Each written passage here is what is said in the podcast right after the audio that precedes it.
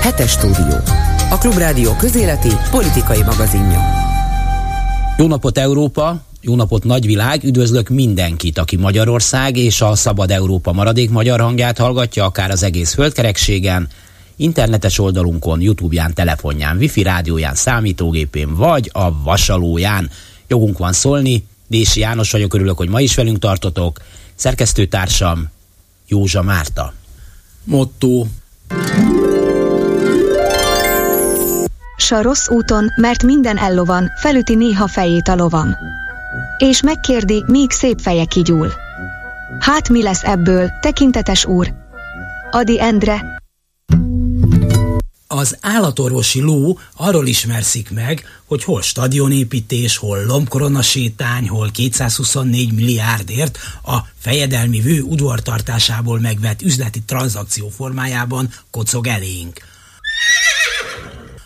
Az állatorvosi ló ritkán nyerít és zabot sem kér, csak a mi milliárdjainkra van szüksége.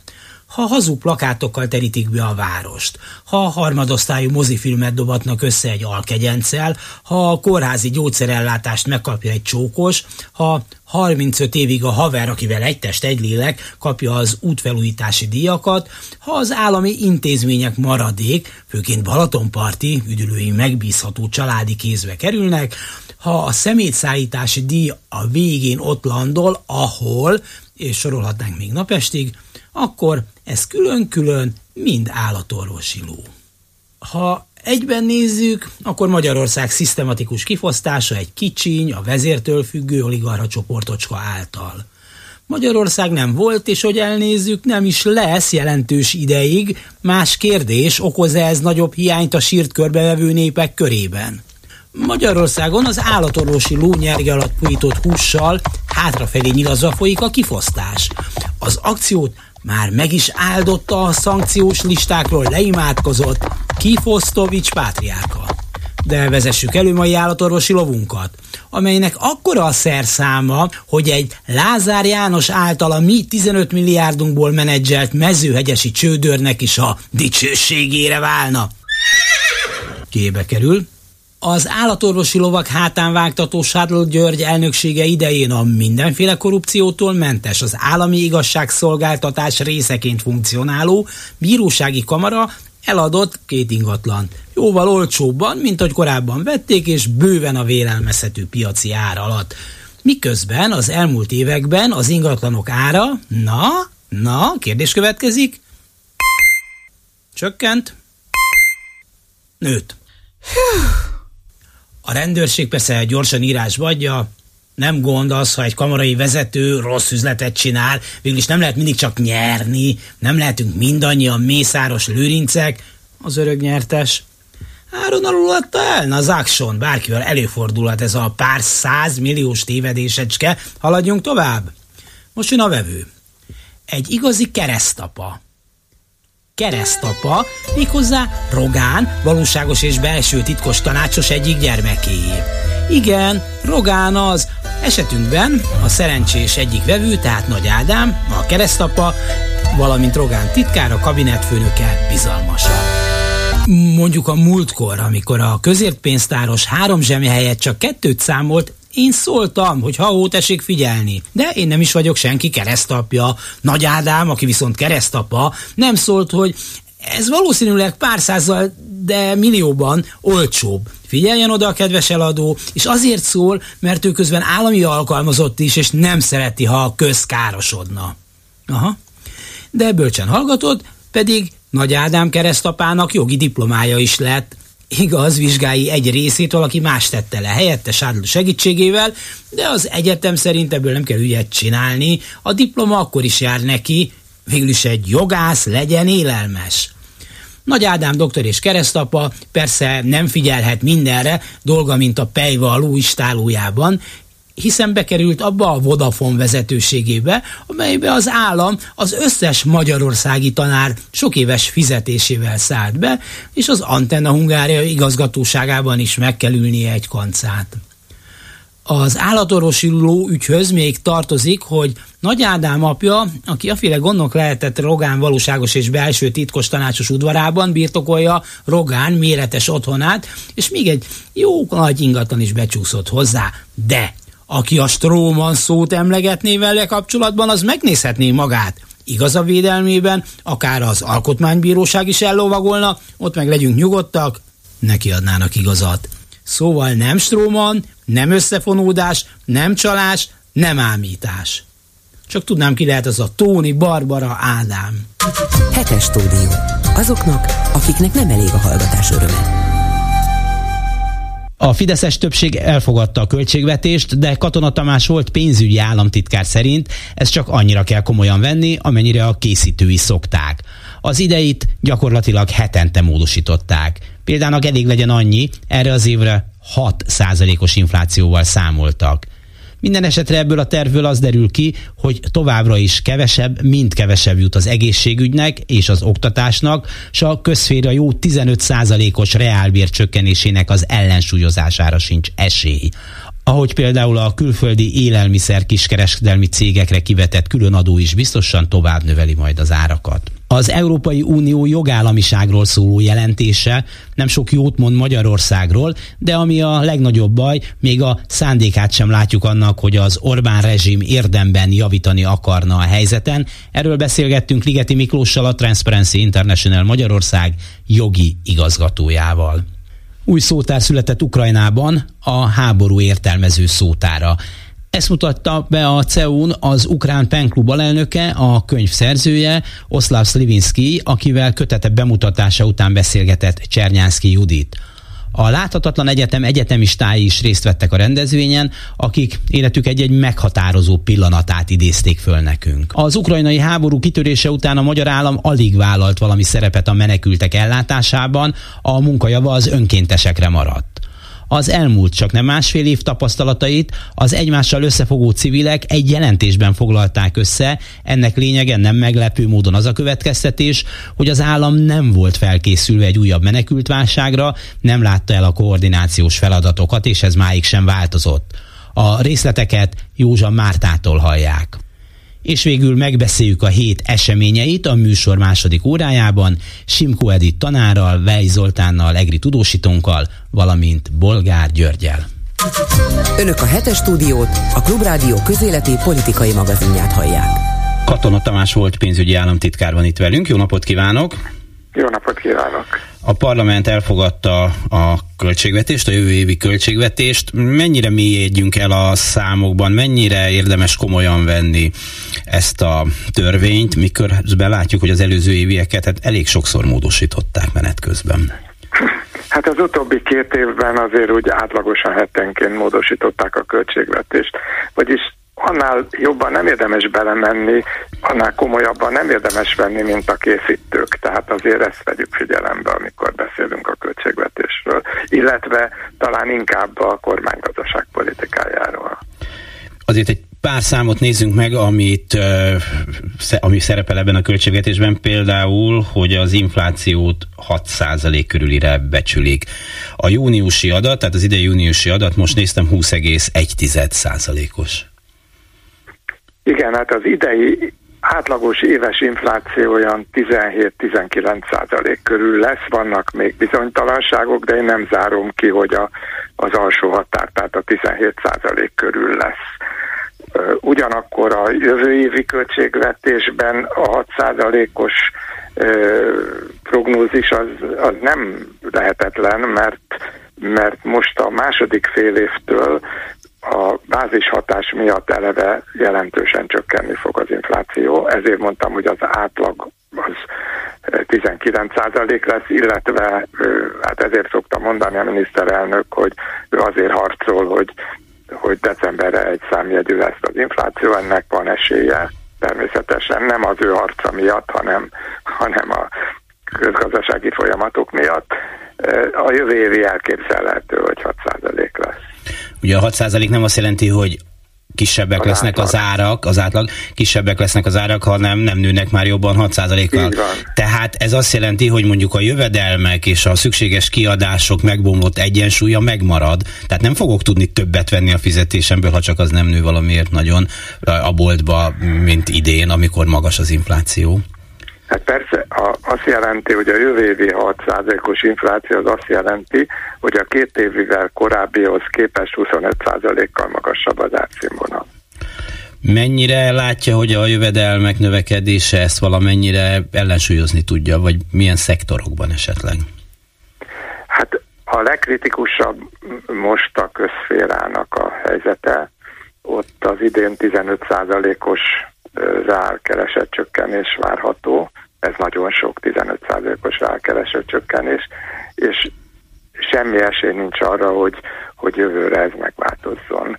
Tehát ebből a költségvetésből nem jön ki az, hogy a, akár csak a közférában szinten maradjanak a keresetek. Arról nem beszélve, hogy ott nagyon súlyos problémák vannak egész, egészségügyi szakdolgozók, a pedagógusok, a tűzoltók, tehát sorolhatnám a tovább a példákat. Tehát ott, ott nagyon komoly konfliktusok lesznek a jövő évben is. Igen, hát például a pedagógusoknak ígérgetett fizetésemelés nem tudom, megtalálható-e a költségvetésben. Tudom, hogy Brüsszel, meg Soros, de hogy a magyar költségvetésben van-e arra nyom, hogy valamennyivel javulhat a pedagógusok fizetése akár? Ahogy mondtam, a költségvetésből nehéz bármit kihámozni, de az látszik, hogy a jövő évben a költségvetésben kevesebb forrás van az egészségügyre is, meg az oktatásra is, mint tavaly, tehát GDP arányosan 3,6%-ot szánnak az oktatásra és az egészségügyre is. Az ezt jelenti például, hogy az egészségügyre kevesebb, mint fele annyit szánunk, mint az Európai Unió átlaga, és jóval kevesebbet szánunk az oktatásra is. Hát ez a, a munkaalapú társadalom, ami tulajdonképpen ugye az ő felfogásuk szerint a segéd munkaalapú társadalom, miközben mindenhol már a, a tudás alapú társadalom a cél. Hát jó, csak az oktatás kell. Hát igen, vagy nem, hát nem ilyen oktatás, vagy nem ilyen ö, kiadásokra számítanak akkor, hogyha normálisan gondolkodnak az oktatásról. Néhány megszorítás előkerült már, családi adókedvezmény, bizonyos hitelfajták és a többi, de hát olyan nagyon egetrengető megszorítások, mint hogyha nem kerültek volna elő már, ami a lakosságot érinti az infláción túl, ami persze elég vad. Hát ugye először is ez a nem megszorítás, megszorítás, mert ez egy tilos kifejezés, tehát ilyet ők nem használnak, de ennél sokkal súlyosabb megszorítások is vannak. Így például az élelmiszer kiskereskedelemben még emelték is azt a bizonyos különadót, ami azt jelenti, hogy ott a 4%-os különadó az úgy viselkedik, mintha az egyébként is világbajnok 27%-os áfa 31% lenne. Ez egy nagyon komoly megszorítás. Hát ez természetes, hogy a, ezt, ezt tovább hárítják a, a kereskedelmi cégek, nem tudnak más tenni. A CBA-ra meg a Kóbra nem vonatkozik, de hát ők meg nyilván lenyedik ezt a, ezt a ö, kedvezményt. Tehát ez egy súlyos megszorítás. Megszorításnak minősül az is, hogy, hogy tulajdonképpen a, az energiaárak azok csökkennek most már a világpiacon, de a, az átlag fölötti árakat egyáltalán nem csökkentették, tehát ezeket a lakossággal fizettetik meg, és minden olyan külön adó, ami szerepel, azokat áthárítják a fogyasztókra értelemszerűen. A, a, most emelték egyébként a, a vasúti közlekedésben is az árakat, tehát ezek tovább rontják a lakosságnak a helyzetét. Tulajdonképpen arról van szó, hogy amikor is 21 végén a megijedt a kormány, egy pillanatra azt gondolta, hogy győzhet az ellenzék, és akkor kiszólt 2000 milliárd forintot. Az tulajdonképpen a, a tragikus gazdaságpolitika mellett már a, a kegyelemdöfés volt, és ez azonnal látszott a választás után, és azóta tulajdonképpen látványosan kapkodnak, és olyan intézkedések sorát hozzák, amit feltelten nem gondolnak végig. Ugye a számokat nézzük tovább, akkor 2,9%-os hiány célt jelöltek meg az idei majdnem 4%-os helyet, és 4% körüli GDP növekedéssel is számol ez a fékezett habzású költségvetés. Hát az a helyzet, hogy a, ez a költségvetés, amit most elfogadtak, az régvárakra épül, mert az idei költségvetés nem fog teljesülni.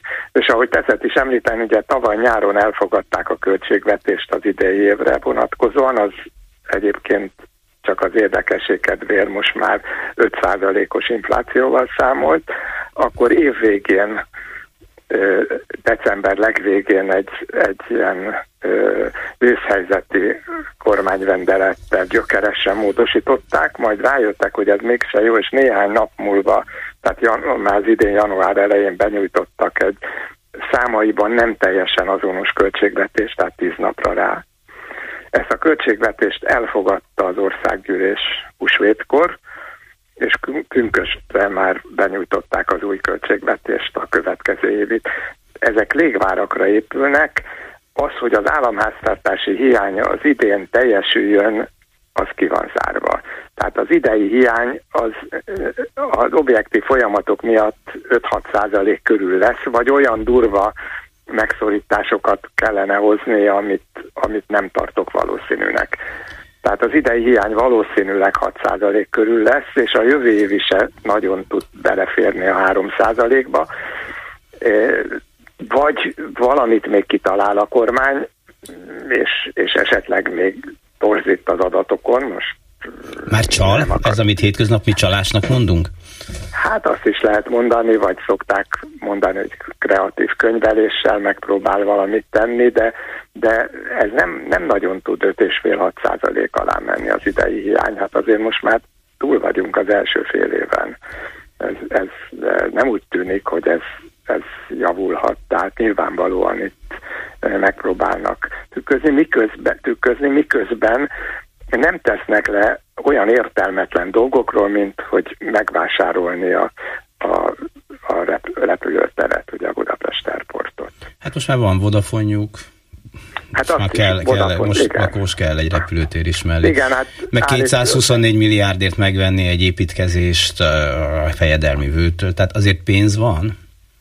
Hogyne, hát arra, amire akarják van. Hát ez a szörnyű, hogy tulajdonképpen a, a humán szférából kivonták a pénzt. Az oktatásból, az egészségügyből, a szociális szférából ott katasztrofális a helyzet, és közben a gazdaságfejlesztésre, az egyházakra ott meg többször egyházakra például háromszor, négyszer annyit költenek, mint az Európai Uniós átlag. Tehát látszik, hogy itt fölborultak az egyensúlyok, és nem, nem látszik az elszántság a kormányban arra, hogy ezen módosítsanak, mint ahogy a, a, azért a labdarúgásra is 100 milliárdot költenek folyamatosan. Ezt se tartják olyannak, ami, ami megtakarítható. Köszönöm szépen, Katon Tamás volt pénzügyi államtitkárnak. Viszontállásra. Viszontállásra. Hetes stúdió. Azoknak, akiknek nem elég a hallgatás öröme. Pigeti Miklós, a Transparency International Magyarország jogi igazgatója van itt velünk. Jó napot kívánok! Jó napot kívánok! Az Európai Bizottság most hozta nyilvánosságra 2022-es évről szóló jogállamisági jelentését, ami hát Magyarország számára különösen érdekes, mert a befagyasztott pénzek megszerzéséhez talán valamit kellene produkálni. Most itt négy területen erről talán beszélünk, hogy részletesebben is értékelik a tagállamokat, de van az embernek egy olyan érzése, hogy mint hogyha a magyar kormányzat hát szánt szándékkal provokálná az Európai Uniót egy csomó kérdésben, és csak egészen látszat dolgokban enged, ha egyáltalán valamiben.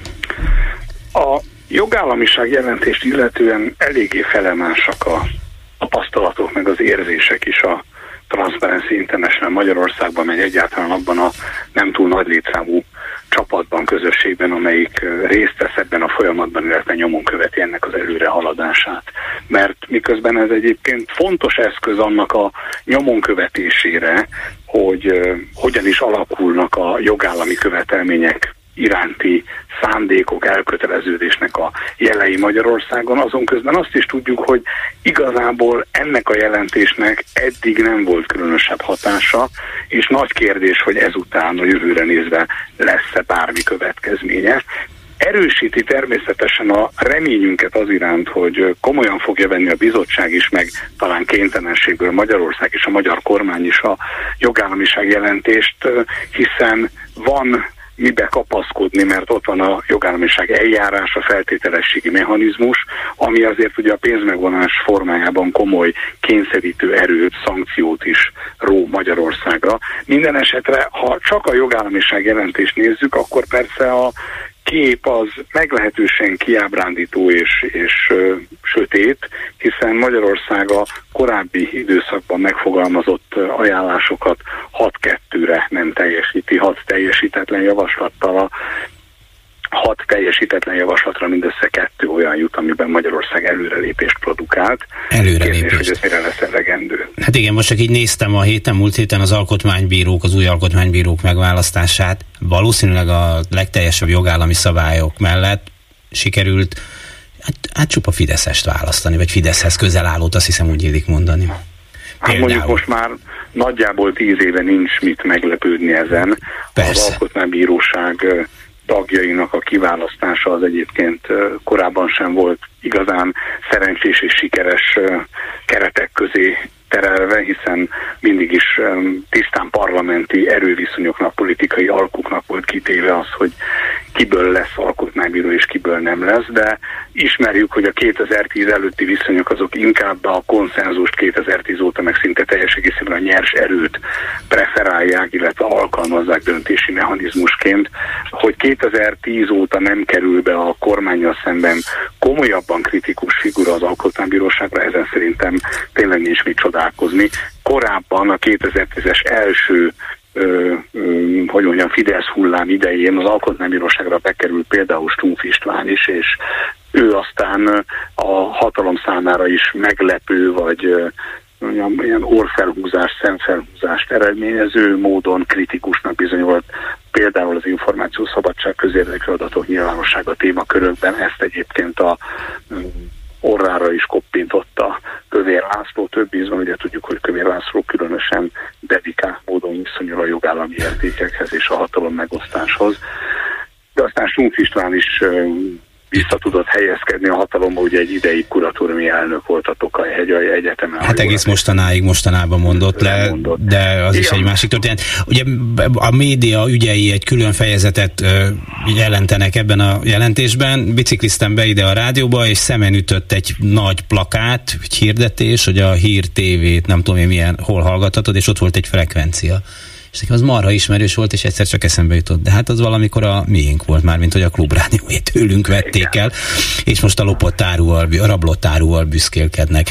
E, most nyilván persze ennél sokkal bonyolultabb a dolog, de hát a, látjuk, hogy az állami pénzből fenntartott úgynevezett közmédia milyen, az állami pénzből fenntartott hírügynökség milyen, és akkor amiről önök még külön is írnak például, hogy az újságírók zaklatása, megfigyelési ügye, mármint hogy megfigyelik őket, vagy egyes kérdéseket, szóval, hogy olyan fertelmes nagy javulás itt sincsen.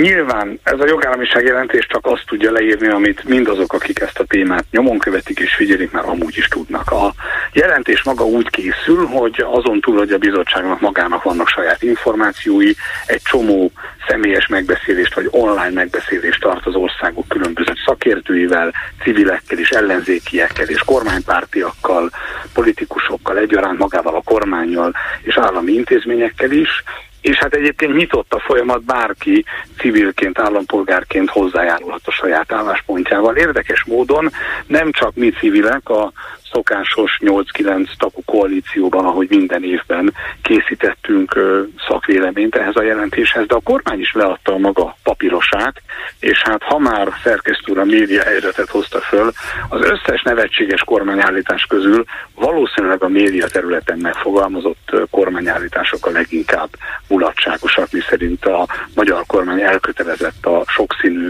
plurális és szabad média iránt, és fontosnak tartja, hogy a közhatalom képviselőit, a kormánytagokat, a döntéshozókat számos irányból érkezően bárki könnyen alacsony küszöböt átugorva megszólíthassa, ezért egy csomó olyan alkalmat és eseményt szerveznek, ahol újságírók könnyen és egyszerűen kérdezhetnek. Én nagyon szeretném tudni, hogy aki ezt írta, komolyan gondolta, vagy amikor írta, akkor voltak-e röhögési szünetek neki, hogy minden szó után két percet röhöghet, vagy minden mondat után öt percet, vagy hogy volt kikalkulálva az, hogy ezt tényleg papírra tudja vetni, vagy az egészet valami robot készítette, akinek nincsen humorérzéke.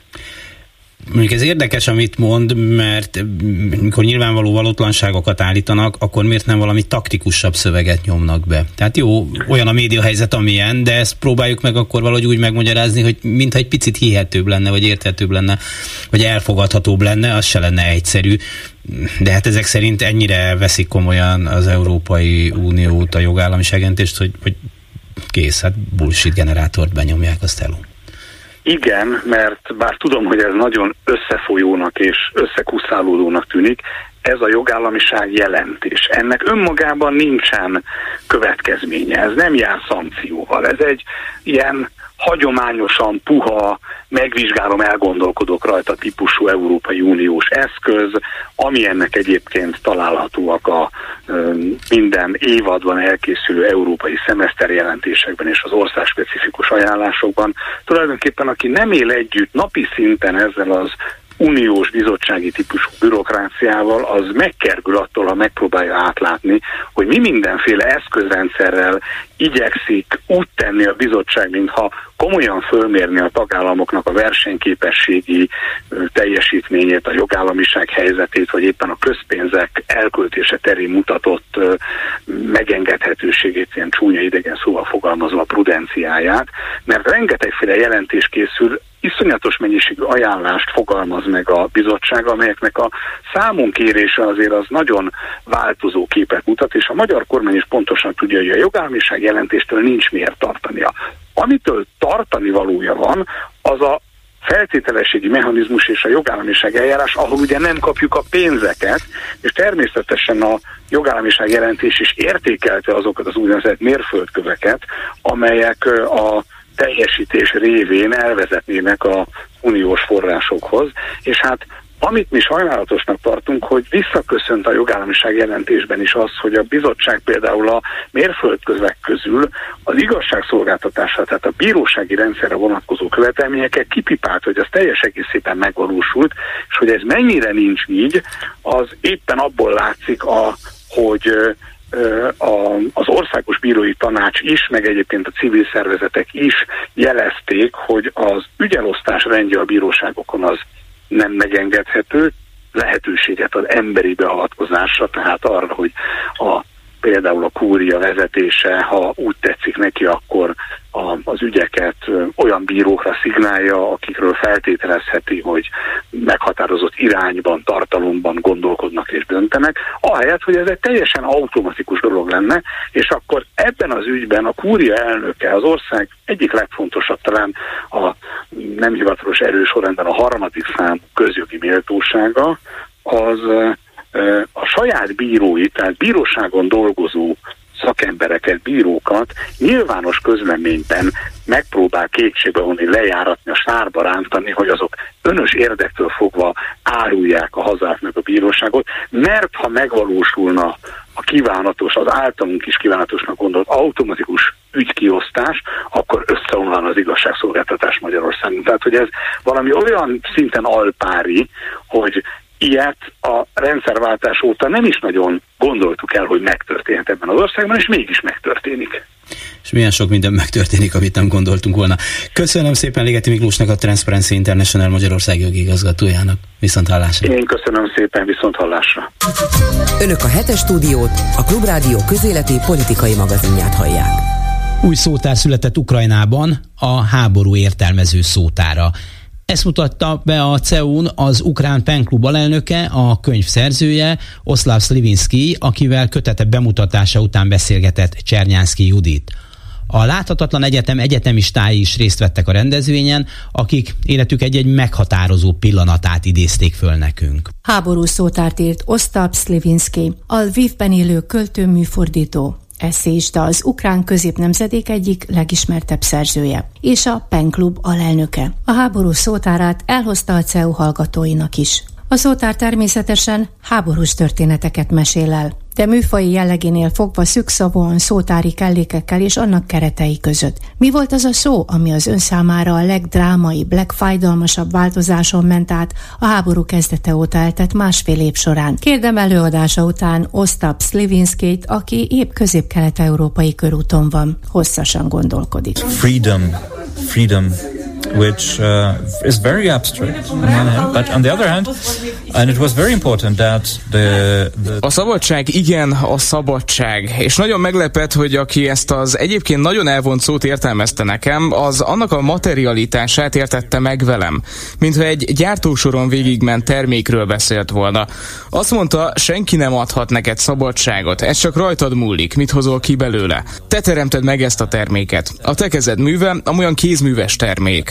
Mindannyiunk számára csodálatra méltó az önök patriotizmusa. Feltételezem, ez a szó is súlyos változáson ment át a háborúban. I would say that the Bárcsak ez is olyan elvont fogalom maradt volna, mint amilyennek hittük. Ma a patrióta tudja, mit kell odaadni ezért a földért az idejéből, a mindennapi tevékenységéből, az erejéből, legyen az lelki és fizikai.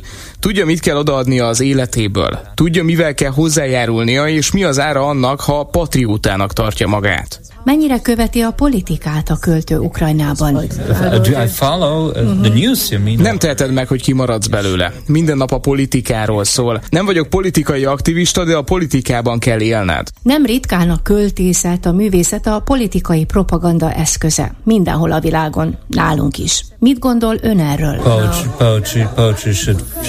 A uh, költészetnek épp az a feladata, hogy szembe menjen a hivatalos propagandával. Egyetértek önnel, hogy gyakran a propaganda eszközeként használják a költészetet a politikusok sajnálatos módon. Ám a művészetnek valós tényeken és igaz érzelmeken át kell alternatívát adnia a propagandával szemben. Nem tudom, mennyire szívesen jött Magyarországra. A CEU persze amolyan buborékban él.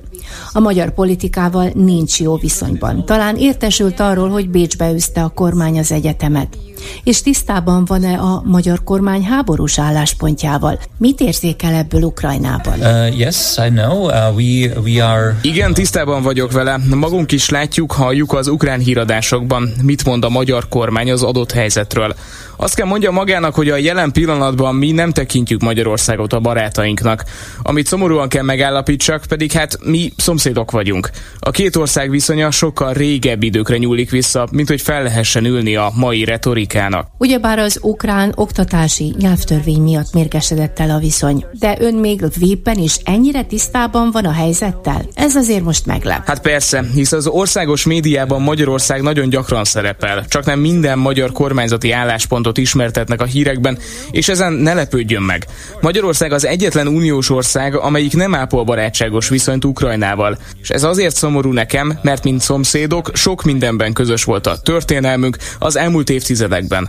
Nem csak azért, mert mi is közép-kelet-európához tartozunk, hanem azért is, mert együtt csináltuk végig a kommunizmust, a posztkommunizmust, és haladunk együtt a nyugattal az utóbbi évtizedekben. Ugyanakkor úgy gondolom, hogy itt nem a társadalmi nézeteltérésekről van szó, hanem politikairól. Az oktatási törvény volt képes így elrontani a viszonyt? Vagy van valami más mögötte? These these these things are the object of manipulation. Of course, they are being used as a as a pretext. Szerintem manipulációs eszközként tekint ránk a magyar kormány, ürügyül szolgálunk a politikájához.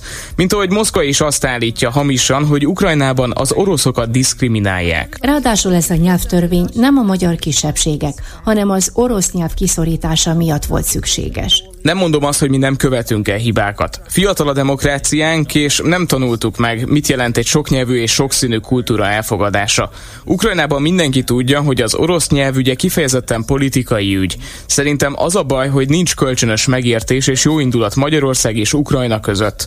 Az orosz nyelvet is mindenki szabadon használhatja, csak nem, mint ukrán hivatalos nyelvet. Belarus tudom példának felhozni, ott két nyelv a hivatalos, és az orosz elnyomta a beloruszt. Mint ahogy a belorusz szuverén politikát is. Nem kérdéses. Ha ön így látja, akkor talán arra is van válasza, mitől javulna meg a magyar-ukrán viszony. Ez attól függ, mennyire érzi a magyar nép fontosnak a szabadság eszméjét.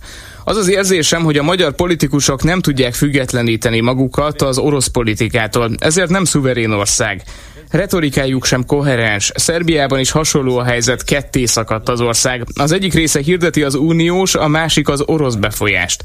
Szerintem önöknél nagyon erős az orosz befolyás, és azért nem koherens a politikája, mert ugyan teljesen az orosz narratíva hatása alatt áll, de kiderült, hogy Magyarország nem tud az uniós támogatások nélkül létezni. Ilyenkor a magyar kormány azzal védekezik, hogy képtelen függetlenedni az orosz energiaforrásoktól. Pár évvel ezelőtt még Ukrajnában sem gondolta senki, hogy képesek leszünk leválni az orosz energiaforrásokról. Azt hiszem világszerte közismert volt, hogy nincs még egy olyan ország, amelyik ennyire függött volna Oroszországtól, mint Ukrajna. In the global opinion, hmm. there would be hard to find a country which would be considered as more dependent on Russia.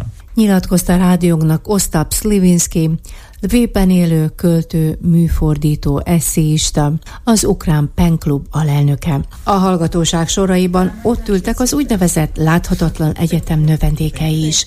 Ezt a nyári kurzust a CEU Ukrajnában tanuló egyetemistáknak szervezi. Immáron másodszor, hogy kiszabadulva a háborús közegből szabad levegőt szívhassanak. I'm also historian and a researcher, and I think it's also... Mint történész érkeztem Magyarországra, az első utam, és fontosnak tartom a láthatatlan egyetemet, mert valójában minden a kommunikáció diplomáciáján múlik. Nyilatkozta a rendhagyó óra után Eliana Biharska. Nagyon jó tudni magunk mellett a támogatást, amit meg is szeretnénk köszönni a budapestieknek.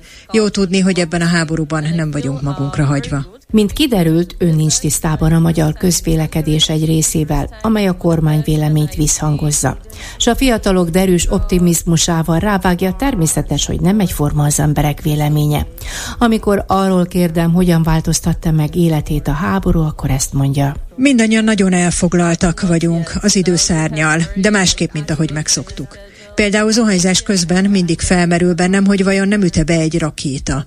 És ha végeztem, nyugtázom, ezt is túléltem. Ma Harkivban sajnos nem mindenki élte túl. Ebben az a legborzasztóbb, hogy nem vagyunk a fronton, és mégis, mint civileket, utolérhet minket a halál. Én ugyan nem Harkivban élek, de ugyanazt éljük meg, mint bárki más ebben az országban. Ha megszólalnak a szirénák, akkor abba hagyjuk a tanulást, a munkát, és megyünk az óvóhelyre. És onnantól kezdve ki tudja, mi vár ránk. 2014 a krím bevétele óta megváltozott az életünk, de tavaly februártól fordult igazán rosszra mert minden nap számba veszed, kivel mi történt. Hallod itt ott, hogy barátok, rokonok, ismerősök halnak meg. Died in the in the front line, you know, already have some friends and, and relatives. Yeah, so it's um. Trencsényi Balázs a Láthatatlan Egyetem egyik kiötlője, a CEU történész professzora, akitől megtudom, hogy a meghívott ukrán egyetemisták többségének az apja a hadseregben szolgál. Mit, mit, mit hoz ez az életükben? Hát ugye eleve egy nagyon fiatal generációról van szó, tehát akkor is változnának, hogyha nem változna a világ körülöttük, de nyilván a világ is változik. Amit mondjuk észrevettünk az az, hogy az elején, tehát az első nyári egyetem, az ugye egy évvel ezelőtt volt, ott nagyon-nagyon erős emocionális kisülések voltak folyamatosan, tehát ott bármilyen vita kialakult pillanatok alatt mentek kisírni a résztvevők, mindig, mindig volt valaki, aki nagyon mélyen megütött, nyilván mindenkinek folyamatosan ott volt az életében az a bizonytalanság.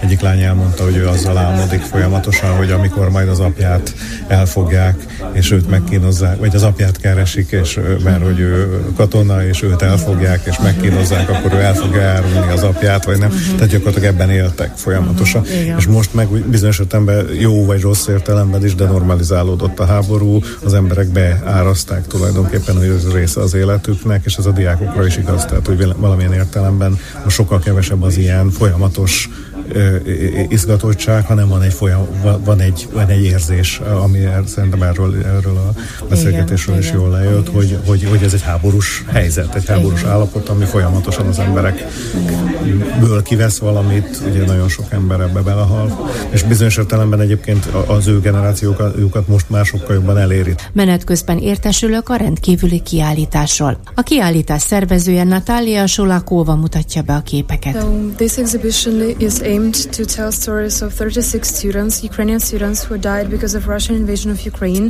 36 olyan egyetemistának állítottuk ki a diplomáját, akik sajnos ezt már nem vették a kezükbe. Ez a olyan képzeletbeli diploma, mert ők mind meghaltak a fronton, és ezért nem tudták befejezni a tanulmányaikat. A többségük önként állt be harcolni a hadseregbe, de van köztük hivatásos katona is. A diplomából pedig az életüket ismerhetjük meg. Én egyikőjüket sem ismertem személyesen, de miután megszerveztem ezt a kiállítást, már mindannyiukat közelről ismerem. Elég rettenetes azt felfogni, hogy közülünk bárki ott lehetne most a falon, a kiállítás képei között, mert bármelyikünkkel megtörténhetett volna a tragédia.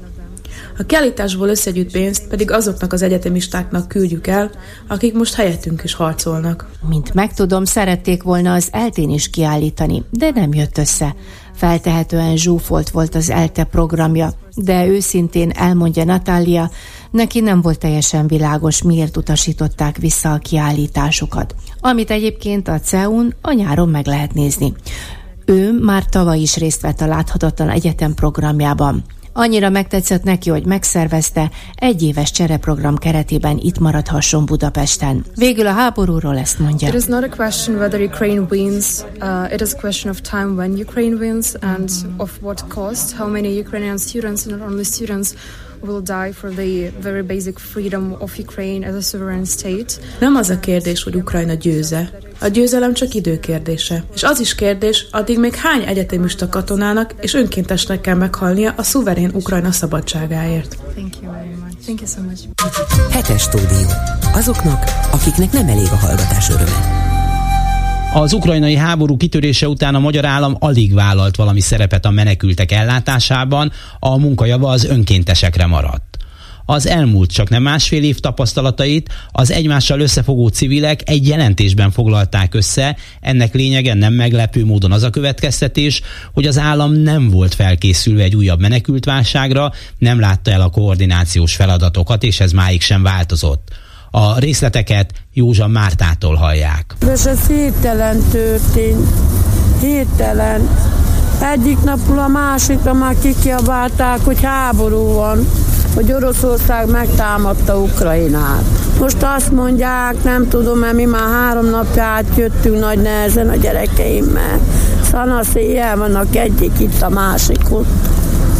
Azt mondják, hogy már a tennap ugye elfoglalta Lembert hogy azt igaz nem tudjunk kedves, mert ugye elmenekültünk. Na, honnan jöttek? Mezőváriból. Ilyen és ehhez hasonló interjúk készültek a háború kitörése után. A civil szervezetek azonnal a határra siettek. A magyar állam késlekedett, sem pénzt, sem segítséget, sem koordinációs feladatot nem adott kielégítő módon. A Habitat for Humanity Magyarország ukrán programjának fő célja a menekülteknek segítő partnerszervezetek támogatása volt, amelynek tanulságairól a Periféria Kutatóközpont készített tanulmányt. A tanulságokat Szegfalvi Zsolt, a Habitat for Humanity magyarországi ügyvezetője összegzi. Amikor ugye az ukrán válság kitört, akkor a Habitat is rögtön elindult a határra, és próbáltuk a krízisben lévőket segíteni, de már krízis elején, vagy a válság elején is elkezdtünk azon gondolkozni, hogy hogyan tudnánk valami olyan speciális tudással segíteni, ami megvan nekünk. Már az első hónapban, márciusban az utcáról lakásba egyesülettel közösen elindítottuk a szolidáris lakhatás programunkat, amiben, mivel nagyon sok üres lakás felajánlás érkezett hozzánk így az ismerősök által, ezért azt gondoltuk, hogy ezekbe az üres lakásokba lehetne beköltöztetni elsőként az ukrán családokat. Ugye ezek a lakások, ezek általában üresen álltak, azért tudták gyorsan felajánlani a tulajdonosaik, tehát ezeket fel kellett szerelni, lakhatásra alkalmassá kellett tenni, és hát önöknek, meg az Ulénak sem ez a fő profilja, tehát voltak éppen valamit változtatni kellett, vagy szaktudást kellett összeszedni, vagy nem is tudom, hogy csináltak ezt így az első percekben. Abból indultunk ki, hogy milyen tudások vannak mind a két szervezetben, megnéztük, hogy hol tudjuk egymást kiegészíteni. Mind az utcáról lakásba egyesület, mind a Habitat újít fel lakásokat, dolgozunk együtt ügyfelekkel, vannak szociális munkásaink, tehát igazából felkészültek voltunk, ami nehézséget jelentett, hogy nem tudtuk ugye előre tervezni ezt a programot, mind a két szervezetnek vannak futó programjai, és ezt igazából nem akartuk ugye a magyar kedvezményezetjeink kárára csinálni, tehát egy extra munkaként kellett fölvállalni ezt, illetve viszonylag gyorsan be kellett extra kapacitásokat erre rántani, de mondom, ez, ez nagyjából egy hónapon belül fölállt ez a program. Ennek segítségével több mint 30 családnak tudtunk viszonylag gyorsan teljesen önálló lakhatást biztosítani. Itt a szociális munkát azt az utcáról lakásba egyesület vállalta, a szakmai koordinációt a két szervezet végezte, illetve mi pedig főleg így a felszerelésben, a logisztikai dolgokban segítettük ezt a programot. Aztán pár hónap után azt láttuk, hogy, hogy ezek a felajánlások ritkulnak, ugye ez egy, egy teljesen normális reakció, amikor már ugye láttuk azt, hogy kezd sajnos konszolidálódni ez a helyzet, ami azt jelenti, hogy, hogy a háború az tovább fog folyni, akkor a felajánlások elmaradtak, és így arra koncentráltunk, hogy azok az ukrán családok, akik már tudtak albéletet szerezni, vagy akár ezekben az ingyenes lakásokban laktak, nekik hogyan tudunk a megélhetésükhöz támogatást adni, a felszerelésen kívül akár az albérleti támogatásával, akár más szociális segítséggel, gyermekek beiskolázásával, munkához jutással. Tehát a program az, ahogy az idő haladt előre, egyre komplexebb lett, egyre komplexebb szolgáltatásokat nyújtottunk, illetve ez nagyon fontos volt mindkét szervezet számára, hogy, hogy mindenkinek a saját igényeinek megfelelő szolgáltatást nyújtsunk. Nagyon sokféle társadalmi csoportból jöttek a családok, nagyon sokféle igényük volt, volt, aki beszélt magyarul, volt, aki nem, tehát ezekre mind valamilyen válaszokat kellett adnunk, és jelen pillanatban ez a program 115 családot lát el továbbra is. 2023 márciusa óta ezt a programot már csak az utcáról lakásba egyesület viszi tovább, de mi is segítjük őket továbbra is tárgyadományokkal, együtt dolgozunk, egyeztetünk. Miből? Kire tudnak anyagilag támaszkodni, uh-huh. és mhm. hát persze a fő kérdés ilyenkor az, hogy hol van az a magyar állam, amelynek elviekben ezelőtt, mit tudom én, évtizedekkel voltak éppen, amikor jöttek például a délszláv háború menekültjei, akkor kiépülni látszott egy menekült ellátási rendszere, amiből most az bizonyosodott be, nem csak most, hanem 15-ben is, hogy nagyjából mint hogyha megszűnt volna. Azt láttuk, hogy, hogy már az elejétől fogva sem vállalt igazán vezető vagy koordináló szerepet az állam. Ugye az első héten, első két hétben ott tulajdonképpen a helyi lakosok a határátkelőknél próbálták valahogy kezelni a helyzetet, illetve rengeteg magánszemély és civil szervezet ment a határokra, akár az állomásokra. Utána kézbe vették az ügyet, de igazából ugye kiszervezték a határátkelők működését a nagy segélyszervezeteknek, és létrehozták a bokcsarnokot, mint befogadó központot. Amit mi nagyon hiányolunk, az az információ áramlásnak a hiánya, tehát nem igazán látjuk azt, hogy mi a kormány szándéka, nem igazán látjuk azt, hogy hol vannak a fókuszpontok a menekültek kezelésében. Azt sem látjuk, hogy milyen forrásokkal rendelkezik az állam, illetve hogy azok a szervezetek, akik a terepen dolgoznak, ezekhez a forrásokhoz hogyan tudnak hozzájutni. Tehát maga ez a, rendszer ez nem transzparens, így elég nehéz hosszú távon tervezni. A szolidáris lakhatás és a támogatott albérlet programunk után igazából, illetve ebben párhuzamosan elindult egy olyan segítség, amiben együtt dolgoztunk hat szervezettel, többek között a Vörös Keresztel, Észak-Kelet-Magyarországi Caritásszal, egy Strázsatanya nevű szervezettel, Kalumba szervezettel, illetve a Budapesti Módszertani Központtal azon, hogy, hogy hogyan tudjuk az ő szolgáltatásaiknak a minőségét javítani, így az ügyfelek érdekében. Hozzánk kérdezte azt, hogy honnan jöttek be a támogatások. Hát egyrészt nekünk szerencsére van egy nemzetközi hálózatunk, és onnan nagyon gyorsan elkezdtek érkezni adományok, illetve egy olyan pozícióban voltunk, hogy előre tudtuk így kvázi hitelezni a programot, tehát nagyon gyorsan össze tudtuk állítani azt a programot, amit elképzeltünk. Időközben a UNHCR-tól is érkezett be támogatás a programba, az Európai Migrációval foglalkozó szervezettől központtól is érkezett be adomány, úgyhogy ezekből raktuk össze. Nekünk egy elég kiterjedt céges hálózatunk is van, különböző programjainkkal a cégek kell partnerségben valósítjuk meg, és ők is tudtak viszonylag gyorsan segíteni nekünk. Tehát tényleg az első időben az ország megmozdult, utána pedig már sikerült kiépíteni azokat a csatornákat, amiket segítették. Igazából állami forrást azt nem kaptunk, illetve nem is vettünk igénybe, nem is nagyon láttuk, hogy hogyan lehetne állami forráshoz fordulni. Azok a partnerszervezetek, akikkel folyamatosan dolgozunk együtt még a programban, náluk azért előfordul ez, hogy hozzájutnak, tudnak pályázni az ellátottjaikat segítő segítségre, de továbbra is az a nehézség, hogy viszonylag átláthatatlan a rendszer, és, és nem látjuk azt, hogy, hogy az állam egy ilyen kiemelt szerepet tölt be. Az, hogy hova lehet fordulni, milyen segítségek elérhetőek a, a menekültek számára, az szintén egy nehéz kérdés, de ezt nagyjából minden civil szervezet magának más partnerszervezetekkel együtt összeállított egy ilyen infocsomagot, és ebben próbáljuk segíteni az ügyfelek boldogulását, ez sem egy olyan túl egyszerű dolog. Azok, akik mondjuk újonnan érkeznének menekültek, mert az oké, okay, hogy mondta, hogy akik megvannak, annak megpróbálják segíteni a konszolidációját, de azok kire számíthatnak, vagy be tudják-e még őket csatornázni, vagy kik azok, akik be tudják őket csatornázni? Igazából továbbra is azért az a helyzet, hogy a menekültek nagyobb része, ők mennek tovább, és nem, nem feltétlenül Magyarországon vannak. Ez a két tanulmányunk, ami megjelent, és ami elérhető a honlapunkon, ugye ezt is elemezte, hogy hogyan tudtunk az ügyfeleknek információt szolgáltatni, hogyan tudtuk segíteni az ő ismeretüket vagy a boldogulásukat. Ebben ugye mind a partnerszervezetekkel is készített interjút, kutatóközpont, ez a periféria kutatóközpont, illetve mind az ügyfelektől is próbáltuk a visszajelzéseket betenni, és ezáltal finomítani ezáltal javítani a programot. A nehézség az az volt, hogy hirtelen ránk esett ez a program, és a tervezés, megvalósítás, és előretekintés fázisai azok összecsúsztak, plusz még ugye azért, azért a támogatásokkal is voltak nehézségek. Igazából azt gondolom, hogy elég sokféle szolgáltatást tudnak nyújtani azok a civil szervezetek, akikkel mi együtt dolgozunk, és természetesen azon túl is nagyon sokan segítenek a menekülteknek. Itt továbbra is az a nehézség, hogy az információt hogyan kapják meg, és hogyan jut el hozzájuk, hogy hova forduljanak van olyan partnerszervezetünk, a Strázsatanya, aki kifejezetten fogyatékkal élő menekülteknek ad komplex szolgáltatást. Ezek mind legkitettebb helyzetben lévő emberek. Mi a dolognak a tanulsága? Tehát, hogy merre kellene tovább lépni önöknek, nem tudom én a partnerszervezeteknek, ismételten mondom, hogy a magyar államnak is, mert azért ezt a felelősséget nem lehet lerázni magáról, illetve hát a nemzetközi szervezeteknek. Szóval most már eltelt annyi idő, gondolom azért is készült ez a tanulmány, hogy megtudjuk, hogy akkor most mi legyen. Én azt gondolom, hogy, hogy ami egy tanulság mindenki számára civil szervezeti szinten, hogy vannak nagyon profi szervezetek, akik akár egy ilyen menekült válságban is a probléma kezelésének egy szegmensét nagyon jól el tudják látni.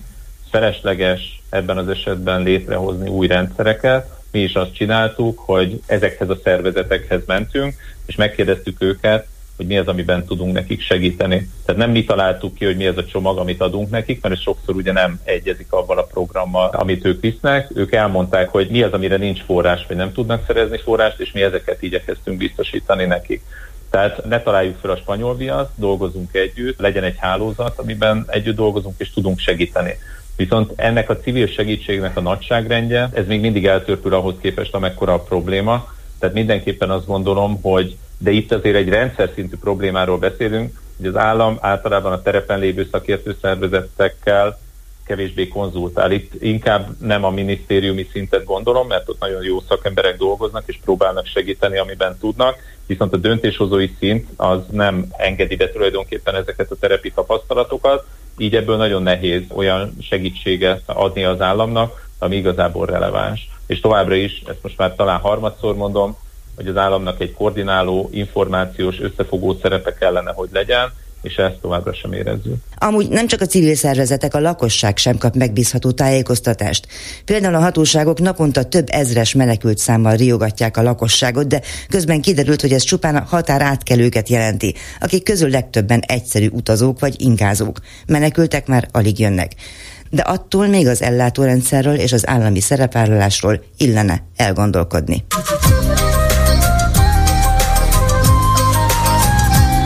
Hetes stúdió. Maradjanak hallótávolságon belül. Önök a hetes stúdiót, a Klubrádió közéleti politikai magazinját hallják. Megbeszéljük a hét eseményeit Simkó Edittel, Vejl Zoltánnal, Simkó Edit tanár, Vejl Zoltán az EGRI tudósítónk, és Bolgár Györgyel, Dési János vagyok. Bemelegítésként egy nagyon édes kérdést tennék fel nektek, mit gondoltok róla, vagy mit gondolnak róla. Tudjátok, ki fogja a Magyar Tudományos Akadémia épületét felújítani? Igen, Mészáros cég annyi köze lesz a kultúrához, illetve a tudományhoz Mészáros Lőrincnek, mint mondjuk Kubatov Gábornak a Nemzeti Színházhoz, hiszen tudjuk, hogy Vignyánszkival kötött egy egyességet. És nekem erre gyönyörű képen van, amint Merkúció és Tibált harcol egymással, és a B közép hangosan elkezd drukkolni a színházban, majd mikor Rómeó beáll az ügybe, akkor kifütyülik füstbomba, sörös dobozok, és a végén, hogyha rosszul ítél a herceg akkor majd megkapja a büntetését, és még a műpát is szétverik. Csak nem irodalom tanár tetszik. De igen, és ez, ez nekem annyira fáj, tegnap olvastam pont ezt a Igen, a történelem tanár az azt mondta volna, hogy egy évi fizetésünket ajánljuk fel erre. Ez csak azért nem jó, mert mondta, úgy folytatta, hogy majd eltartanak a barátaink, de ezeket nem a barátaik tartják el, hanem mi. mi azért mondom, hogy, hogy ezt, ezt félreolvasták, hogy a a nemzet egyévi fizetését most felajánljuk a tatarozásra. A jövő kutató meg azt mondaná, hogy Mészáros Lőrinc, a Magyar Tudományos Akadémia rendes tagja. Oh. Na. Hát, és nem, hát ez a, a minimum, nem? Nem tudom, nem tudom, hogy, hát de elnök, nem? Ez hát az a követ először fölveszik tagnak, aztán... Na most... Meghallgatnám a székfoglalóját, bocsánat, hogy elindult el, a fantázia. Azt is, azt is elfoglalja és, a széken, nem? És rögtön, rögtön rendes tag lesz, mert a levelező tagnak állítólag kell tudni elég jól írni, olvasni. A másik kedvencem, hogy 48 milliárd forintért szervezhet demográfiai fórumot Balási Gyula konzorciuma. Ő az, aki az állami plakátozásból többek között Lamborghini-t és azt hiszem ferrari porsche is működtet. Szerintem egy egész istálóra való kocsit is tarthatna, annyi pénzt keresett az elmúlt években. Balázsi nevét nem is ismerik sokan, úgyhogy nyugodtan lehet Lamborghini is. Matolcsi nevet az, az jobban cseng, az sokan ismerik. És hát milyen van a Matolcsi fiúnak? Hatalmas sportautó gyűjteménye, lehet, hogy nagyobb, mint a Balázsié.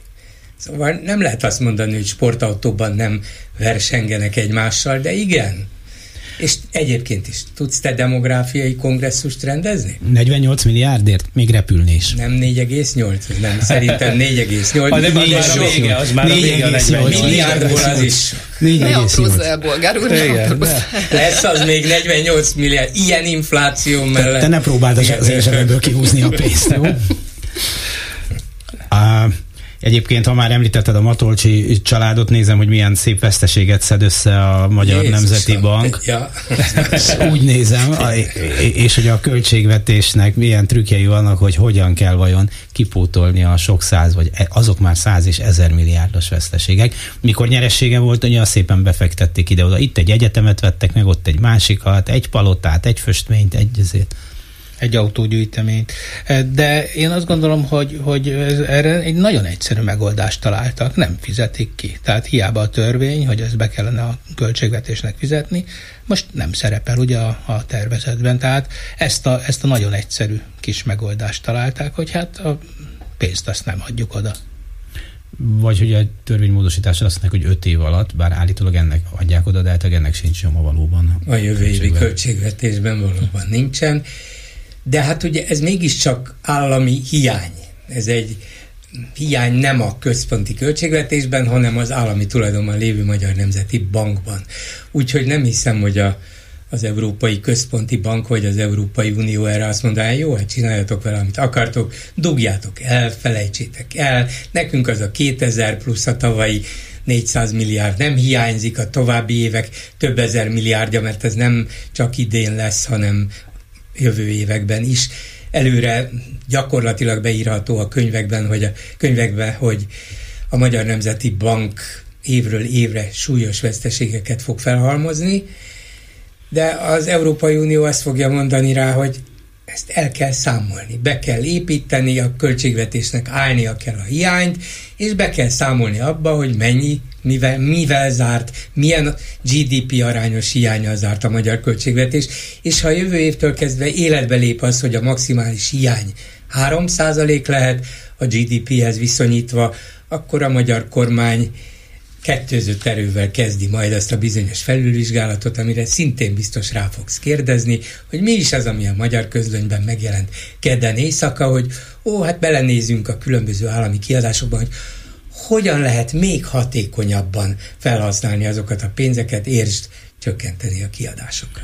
Hát például úgy beszélünk a mai műsorban, erről Katona Tamás volt pénzügyi államtitkár, aki valószínűleg jól kiigazodik, már amennyire ki lehet ezekben a számokban, és azt mondta, hogy az oktatás és az egészségügy területe egész biztosan, hogy vesztese az új költségvetésnek, már amennyire komolyan lehet venni azt a törvényt, mert azt mondta, hogy nagyjából minden héten módosult az előző is, de az biztos, hogy ez a két nagy terület továbbra is, és a közféra dolgozóinak 15%-os reálbér csökkentésének csökkentésére sincs benne szemmel láthatólag pénz félretéve.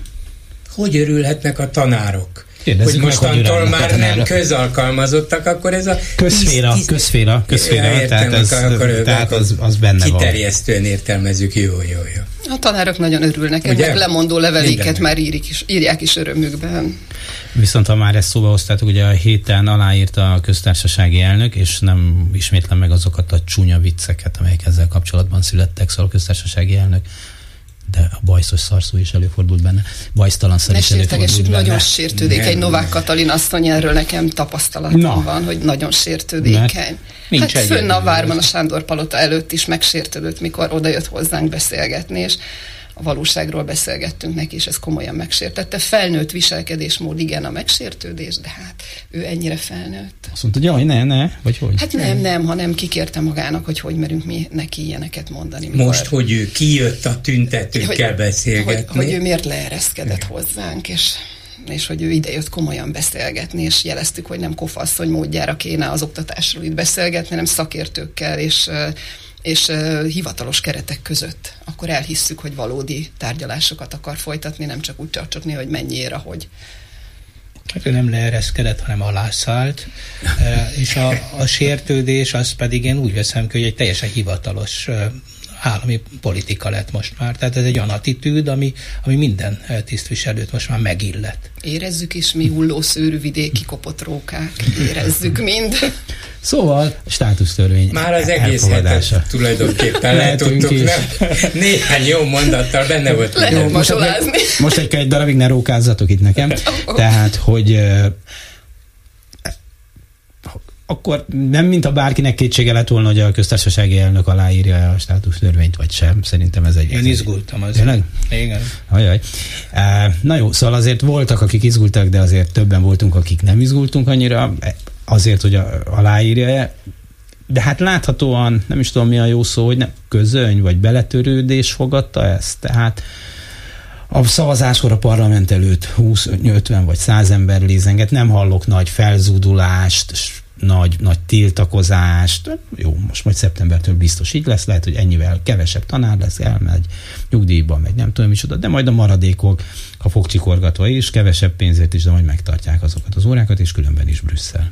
Én azt gondolom, hogy a csend nem rend. Ezt mondjuk mindig. A toll sercegése azon a papíron, amiben a lemondásukat beadják a kollégák, az nem hangos dolog és majd ott állunk megdöbbenve szeptemberbe, hogy hányan maradnak, akik eddig is túlterhelten dolgoztak, most majd még inkább úgy fognak, és az én személyes véleményem a szülőknek az októberi ébredése, amikor a nyolcadikosokat majd küldeni kell a központi írásbeli felvételire, és nem lesz, aki fölkészítse, hiszen az első, amivel felszámolnak a, a tehetséggondozás, a szakkörök, a felkészítések, tehát ezeket fogják az iskolák abba hagyni, tehát csak pénzért lehet majd a gyereket valami módon esélyesíteni a központi írásbelire, illetve a középiskolákban a fakultációra való jelentkezést októberre véglegesíteni kell, és hogyha a gyereknek az volt az álma, hogy orvos lesz, vagy mérnök, de nincs matematikus, fizikus és biológus, akkor majd talán észreveszik magukat, hogy, hogy valami nagyon elszállt itt. Az az igazság, hogy az oktatás már jó ideje egy döglött ló, csak mi ott ugrálunk rajta, és ezért úgy tűnik, mintha mozogna.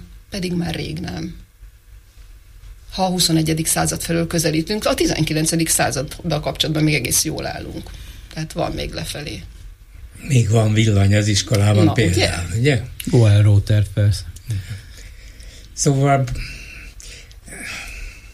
nem tudom, hogy, hogy miért van ez az emberben, és nyilván az oktatásban dolgozókban még inkább volt egy olyan remény is, egy hosszú pillanat, amikor azt gondolta volna az, aki foglalkozott ezzel, hogy jé, megértették a pedagógusokon kívül a diákok, ki megértették a szülők, kimennek most már tömegesen tüntetni, ez, ez valamilyen módon fölízította a közhangulatot, ott volt az a, a műegyetem előtt tartott nagy tüntetés, lett belőle ilyen-olyan botrány is, de legalább odafigyelnek, hát ha most valamilyen módon ez lángra kap, akkor megállíthatatlan lesz, és ráadásul egy fiatal nemzedék sorakozott föl, azért, hogy változtassanak, és a kormány adja abba ezt a sorsrontó politikát, és nem, a dolog ott ért el a csúcspontját, és ahhoz képest pedig, pedig kezdett úgy visszaszorulni, és voltak olyan bátor és önfeláldozó és fel nem adó pedagógusok, meg olyan diákok, akik azt mondták, hogy de akkor is, de akkor is, de akkor is, és mintha mögöttük elfogytak volna a tömegek, vagy lehet, hogy csak egyszer úgy gondolták, hogy megpróbáljuk, de hát ha egyszer nem sikerült, akkor másodszorra már minek. Nem tudom, azóta se tudom, és sokan foglalkoznak ezzel, hogy miért van ez, hogy a társadalom nem mozdítható meg, de egyelőre úgy látszik ez az általános beletörődés az, ami jellemző a magyar társadalomra, és az oktatás speciál egy olyan hely, azt mondta az előbb Edith, hogy régóta egy döglött ló. Igen, hát régóta döglött ló, hát most akkor még legfeljebb, lesz. Legfeljebb még a lába se rúg egyet, hát Istenem, megszoktuk mi ezt már, valahogy majd kibújunk a szorításból, valahogy majd akkor a gyereket mégiscsak eljutatjuk jobb iskolába, vagy amikor már oda jut, akkor külföldre, megtaláljuk a mi kiskapunkat, ez a magyar módi. De ez egy elitnek a válasza Meg... tud, tud lenni, méghozzá nem is csak szellemi elitnek, hanem olyan, akinek az anyagi lehetősége is megvannak erre. Mert nem vagyok benne biztos, hogy egy középiskolai tanár házaspár mondjuk a gyermekét egy jobb nyugati egyetemre tudja küldeni, úgyhogy ki kell fizetnie a költségeket. Szerintem az éhezők viadala majd még ezután jön. Tehát, hogy most még ezt így lehet, hogy benyelik, és tudomásul veszik emberek, de Tavaly rengeteg tüntetésen voltunk, és ott a hídfoglalásoknál mondtuk a rendőröknek, hogy ők addig örüljenek, míg mi vagyunk itt, mert akik utánunk jönnek majd, ők már nem lesznek ilyen kedvesek, udvariasak, és nagyon jó fejek, mint mi voltunk. Szerintem a, a lakosság szembesül ezzel az írdatlan inflációval, hogy minden nap kapunk valami hírt arról, hogy milyen, milyen segítséget vesznek el tőlünk, mi, mi mindentől fosztanak meg minket, és a közérbe ki kell fizetni az ételt és ez fogja majd talán, talán átbillenteni ezt. Illetve ezek a fiatalok már nem ülnek csak a fenekükön, csak nem látványos dolgokat is tesznek. Hálózatot építeni nem ilyen napi hőstet, hogy kim vagyunk és elmondjuk a tüntetésen és megmondjuk, hanem ez egy nagyon komoly, szorgalmas hangya munka. És ők ezt el fogják végezni, mert ők már tudják, hogy hogy milyen szabadon élni. Nekik van internet, láttak már más világokat, nekik már nem lehet megmagyarázni, hogy ez itt minden világok legjobbika. Én ebben nagyon bízom, én hiszek a nevelés erejébe bármilyen furcsa. Helyes. Hát igen, igen, csak hogy persze azt tudjuk, hogy mi lesz, ugye mindig az a kérdés, hogy addig mi lesz, és most úgy tűnik, hogy hogy hát pont ez a, ez a fajta nyitott társadalom, ugye, meg azok, akik tenni akarnak, és mozgásképesek, és nincs a födő rajta most a társadalmon, hát azok hegyes halomnál egyszerűen lelépnek. Tehát a srácok, akik például lehet, hogy a műegyetem előtt ott voltak, ma már el tudom képzelni, hogy, hogy nem Magyarországon vannak. Tehát ők, ők nem olyanok, hogy belekényszerülnek ebbe a rendszerbe, mert el tudják hagyni. A többiek pedig, hát hogyha döglött ló az oktatás, akkor én azt gondolom, hogy ez a 30 évig lovagolt a társadalom ezen a döglött lovon, és bizony a pedagógus társadalomnak komoly érdemei vannak abban, hogy a társadalom ma ilyen állapotban van. Tehát el tudom képzelni, hogy ez a fajta alatvalói attitűd, ez a beletörődős attitűd, ez, ez azért sokkal hosszabb idő alatt fog kikopni. Igen, én sem tudok nagyon pozitívan nyilatkozni ezen a téren, ettől függetlenül azt gondolom, hogy a hitünket nem adhatjuk föl, mert ez a hazánk, tehát Mécsimréjék sem mentek, mehettek volna, és még sorolhatnék rengeteg embert. Nemrég beszélgettem Magyar Fruzsinával, Mécsimre özvegyével, és ragyogó szemmel mondja, hát mit tehetünk, hát ide születtünk, itt van dolgunk, és, és szerintem ezt így kell mondani ragyogó szemmel, bármennyire fáj és kilátástalan tűnik, hogy itt van dolgom. Igen, hát valahogy a magyar történelemből és a magyar társadalom szokásaiból kimaradt ez a közös társadalmi cselekvés, mint, mint valami alapélmény, hogy ha egyszerre sokan gondoljuk úgy, és vállalunk valami kis kockázatot, hogy megváltoztassuk, akkor, akkor ez valóban érhet el eredményt.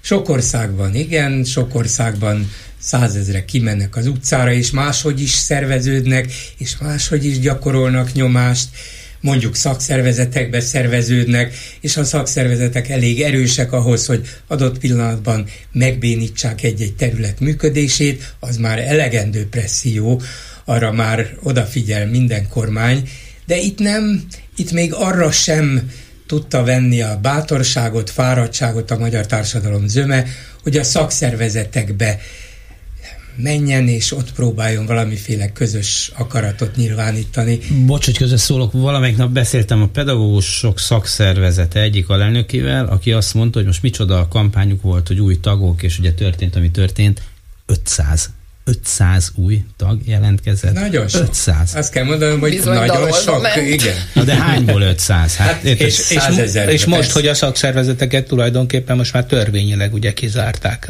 ezzel a bosszú 10%-osra tették a minimál igen. létszámot, igen. Tehát itt gyakorlatilag nincs beleszólásuk most már a szakszervezeteknek az oktatásba. Ezt is meg kell tanulnunk. Tehát azért vegyük tudomásul, hogy ez a nemzet egy percig nem volt demokrácia, csak megérintette a szele hogy ez is lehetne. Hát azért 90 óta egy egész új nemzedék nőtt fel, ha nem Igen, kettő. de, de csak érintett minket, de nem éltük meg valójában, és ezért mi vagyunk felelősök. Tehát mi felnőttek, a mai felnőttek, nem a mostani diákok, akik kiállnak harcolni, akik már valami képük van arról, hogy milyen is lehetne, hanem mi felnőttek hagytuk, hogy, hogy szépen apránként elvettek tőlünk mindent, de tényleg, ha végig gondoljuk, ha most csak a legutóbbi dolgokat, a, a legutóbbit évekkel ezelőttire gondolok, az akadémiától, az egyetemeken át, hogy de amíg hagyjuk, így lesz, ez kétségtelen, csak próbálni kell nevelni, hogy ne hagyjuk. Nem lehet, hogy hát mi egy olyan buborékban élünk, ahol természetesnek vesszük, hogy az oktatás ügye, a minőségi oktatás ügye az mindenkinek fontos. És lehet, hogy a társadalom egy jó részének egyrészt nincs jó élménye a saját iskolai kalandjairól, mert a hátsó padba ültették egyest kapott, a padsor felelős jelentette, hogy nem. Na, és még egy intőt is beért neki Piroska néni.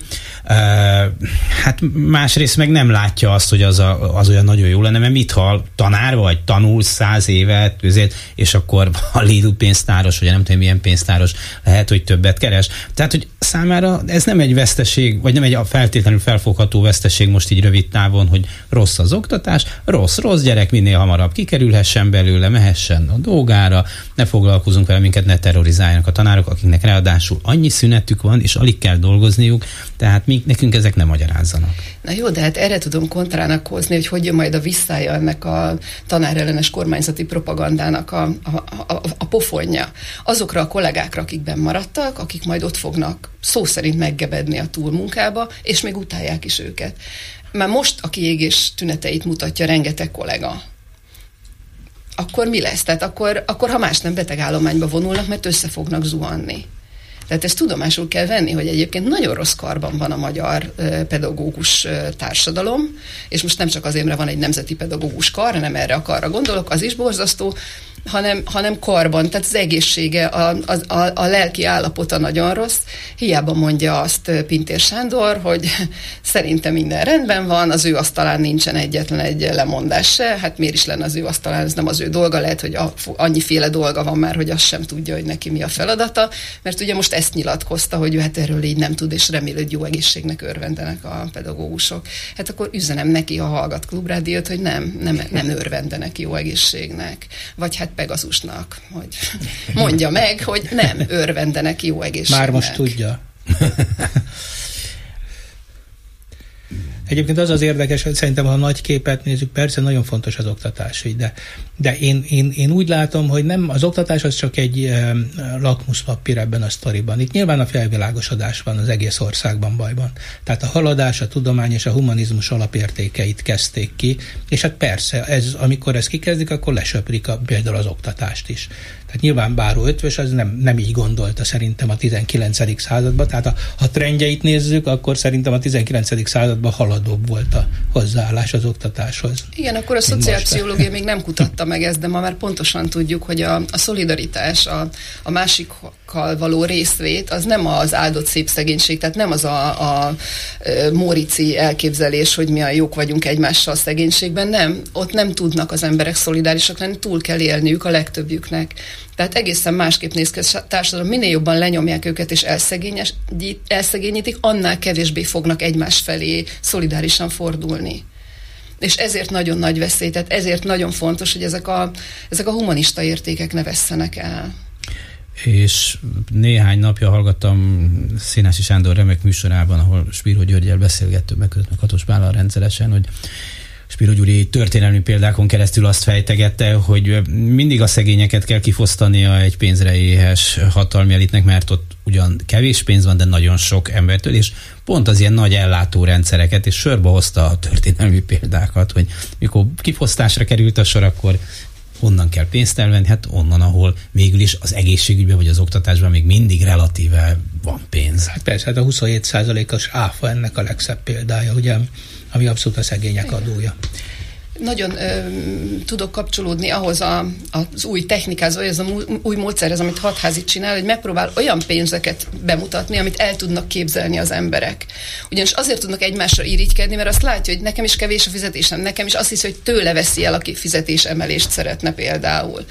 De hogy nem érti meg, hogy csilliárdokat hogyan lopnak el a, nem tudja elképzelni Igen, sem, ezt és már így könnyebb. Wagner úr is mondta, hogy fiam mondja azt nekem, hogy 20 dollár, meg 2000 dollár, az csak a számtan példában van. Igen. Van egy ilyen sok egyetemi rangsor, van most éppen a Times Higher Education Academic Ranking of World Universities jelent meg. Egy nagyon bonyolult szempont szerint minősítik a felsőoktatási intézményeket, 1500 darabot, és ezen 11 magyar egyetem jelent meg, a Szegedi Tudományegyetem a legjobb, amelyik a 601-610. helyen van, aztán a Debreceni a 671-680. helyen, és így tovább, ami első pillantása nem is hangzik a 600. hely is szépen csillog.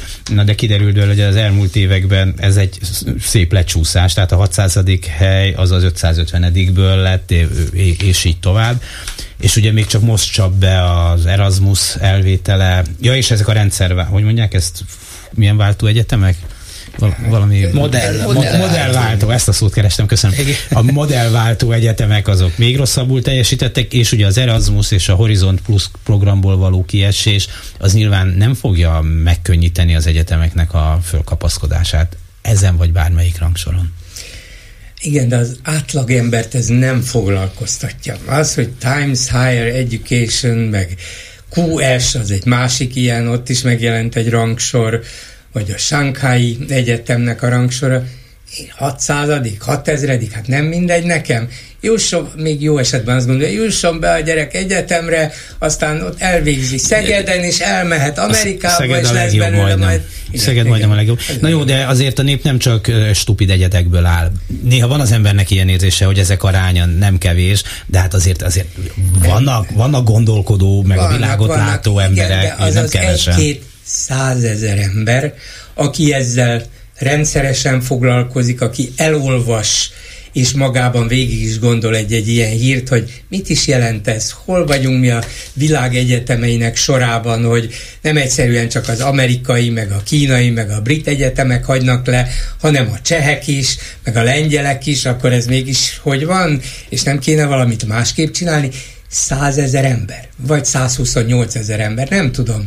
De a magyar társadalom döntő többsége ezzel nem foglalkozik, nem azért, mert hülye, vagy nem azért, mert nem törődik semmivel, egyszerűen más köti le, más világban él, máshogy követi az eseményeket, és még ha érdeklődik is a közélet iránt, a politika, társadalom iránt, maximum megnéz egy tévéiradót, vagy néha kinyit egy-egy ilyen portált, és akkor egy körülbelül százezres tömeg helyett beszélünk egy egymilliósról. És azon belül vannak azok, akik elkezdik ezeket végig gondolni, felsőoktatási rangsor, mi következik ebből, az én gyerekem hova menjen, miért csinálja ezt a kormány, miért nem azt, mi az, hogy modellváltás, te se tudtad, hogy modellváltás, én se tudnám kapásból, ha fölébresztenek. Milyen egyetemek ez? Az alapítványi kekva, de az micsoda, minek a rövidítése, ki a fene tudja, maximum azt tudja néhány százezer ember, hogy a kormány, illetve a Fidesz saját politikai csoportjába és saját üzletemberi csoportjába szervezte át a korábbi állami egyetemeket. Hát Istenem, hogyha megmaradtak volna állami tulajdonban, akkor meg az oktatási miniszteria az nincs.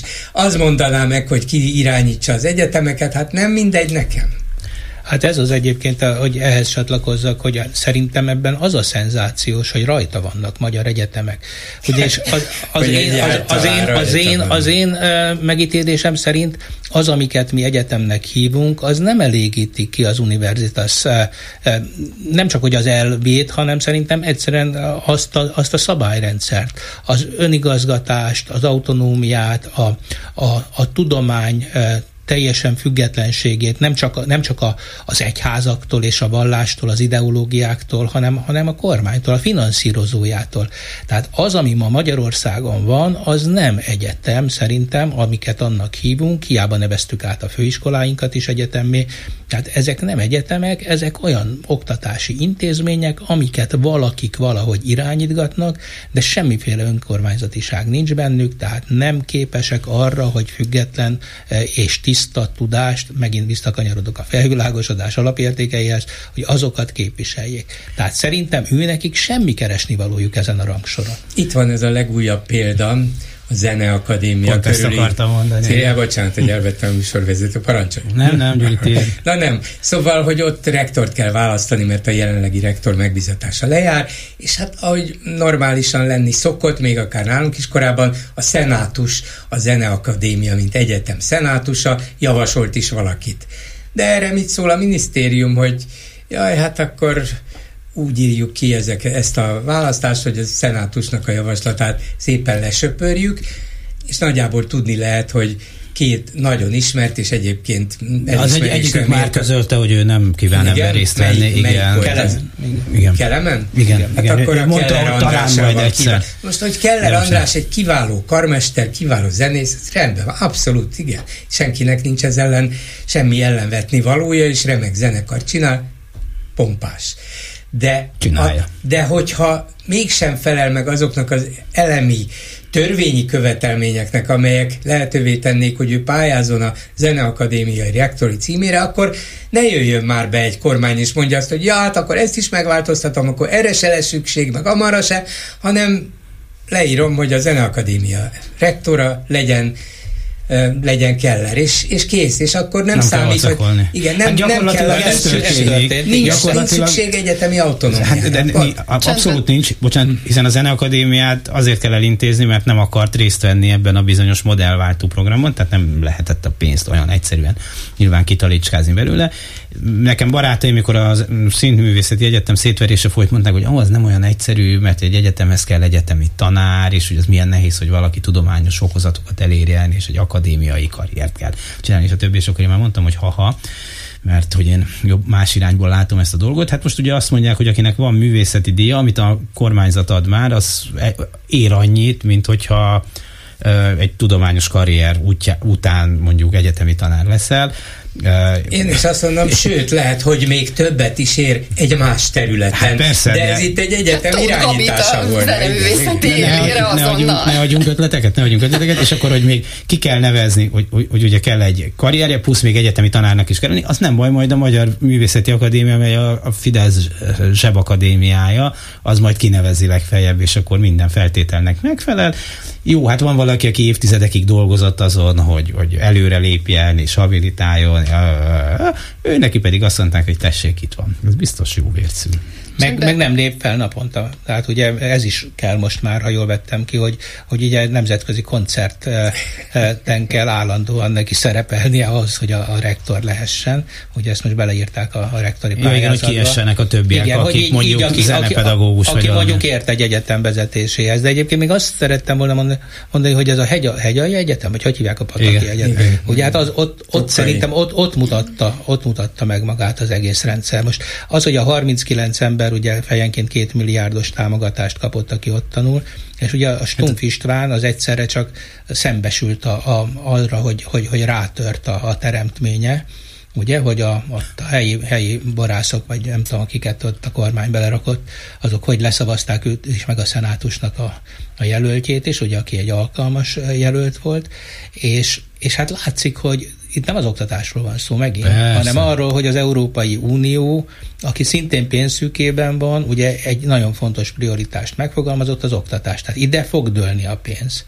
Ez, mindenki hát vagy erre, legalábbis ezt gondolták. Ha most már nem igen, fog igen, igen, igen, tehát és akkor erre voltak ők felkészülve, hogy amikor jön a pénzeső, addigra ők már a fordított, alakú, a fordított alakú esernyőjükkel. Aláállnak, és azt begyűjtik, és hát ugye most itt, itt van, hogy nem jön a pénz, az esernyő alatt meg már nincsen senki, és házunk és az esernyőt is hazavitték. Erről az intézményvezető kijelölésről azért elmondanám, hogy az oktatásnak, a közoktatásnak komoly gyakorlata van már, hiszen számtalanszor neveztek ki úgy igazgatót iskolák élére, hogy a tanári kar nem akarta, a szülők nem akarták, és mégis, tehát hogy sok-sok példa van erre évek hosszú sora óta, és szerintem például most ez a komoly pedagógus tiltakozás is nagyon sokszor az igazgatók kollaborálása miatt lehetetlenedett el, mert vagy megfenyegették a kollégákat, vagy oda mosolyogtak, a tanker felé dörgölőztek, és próbálták elsimogatni a, a konfliktusokat, és próbálták ennek a tiltakozásnak az erejét ellehetetleníteni.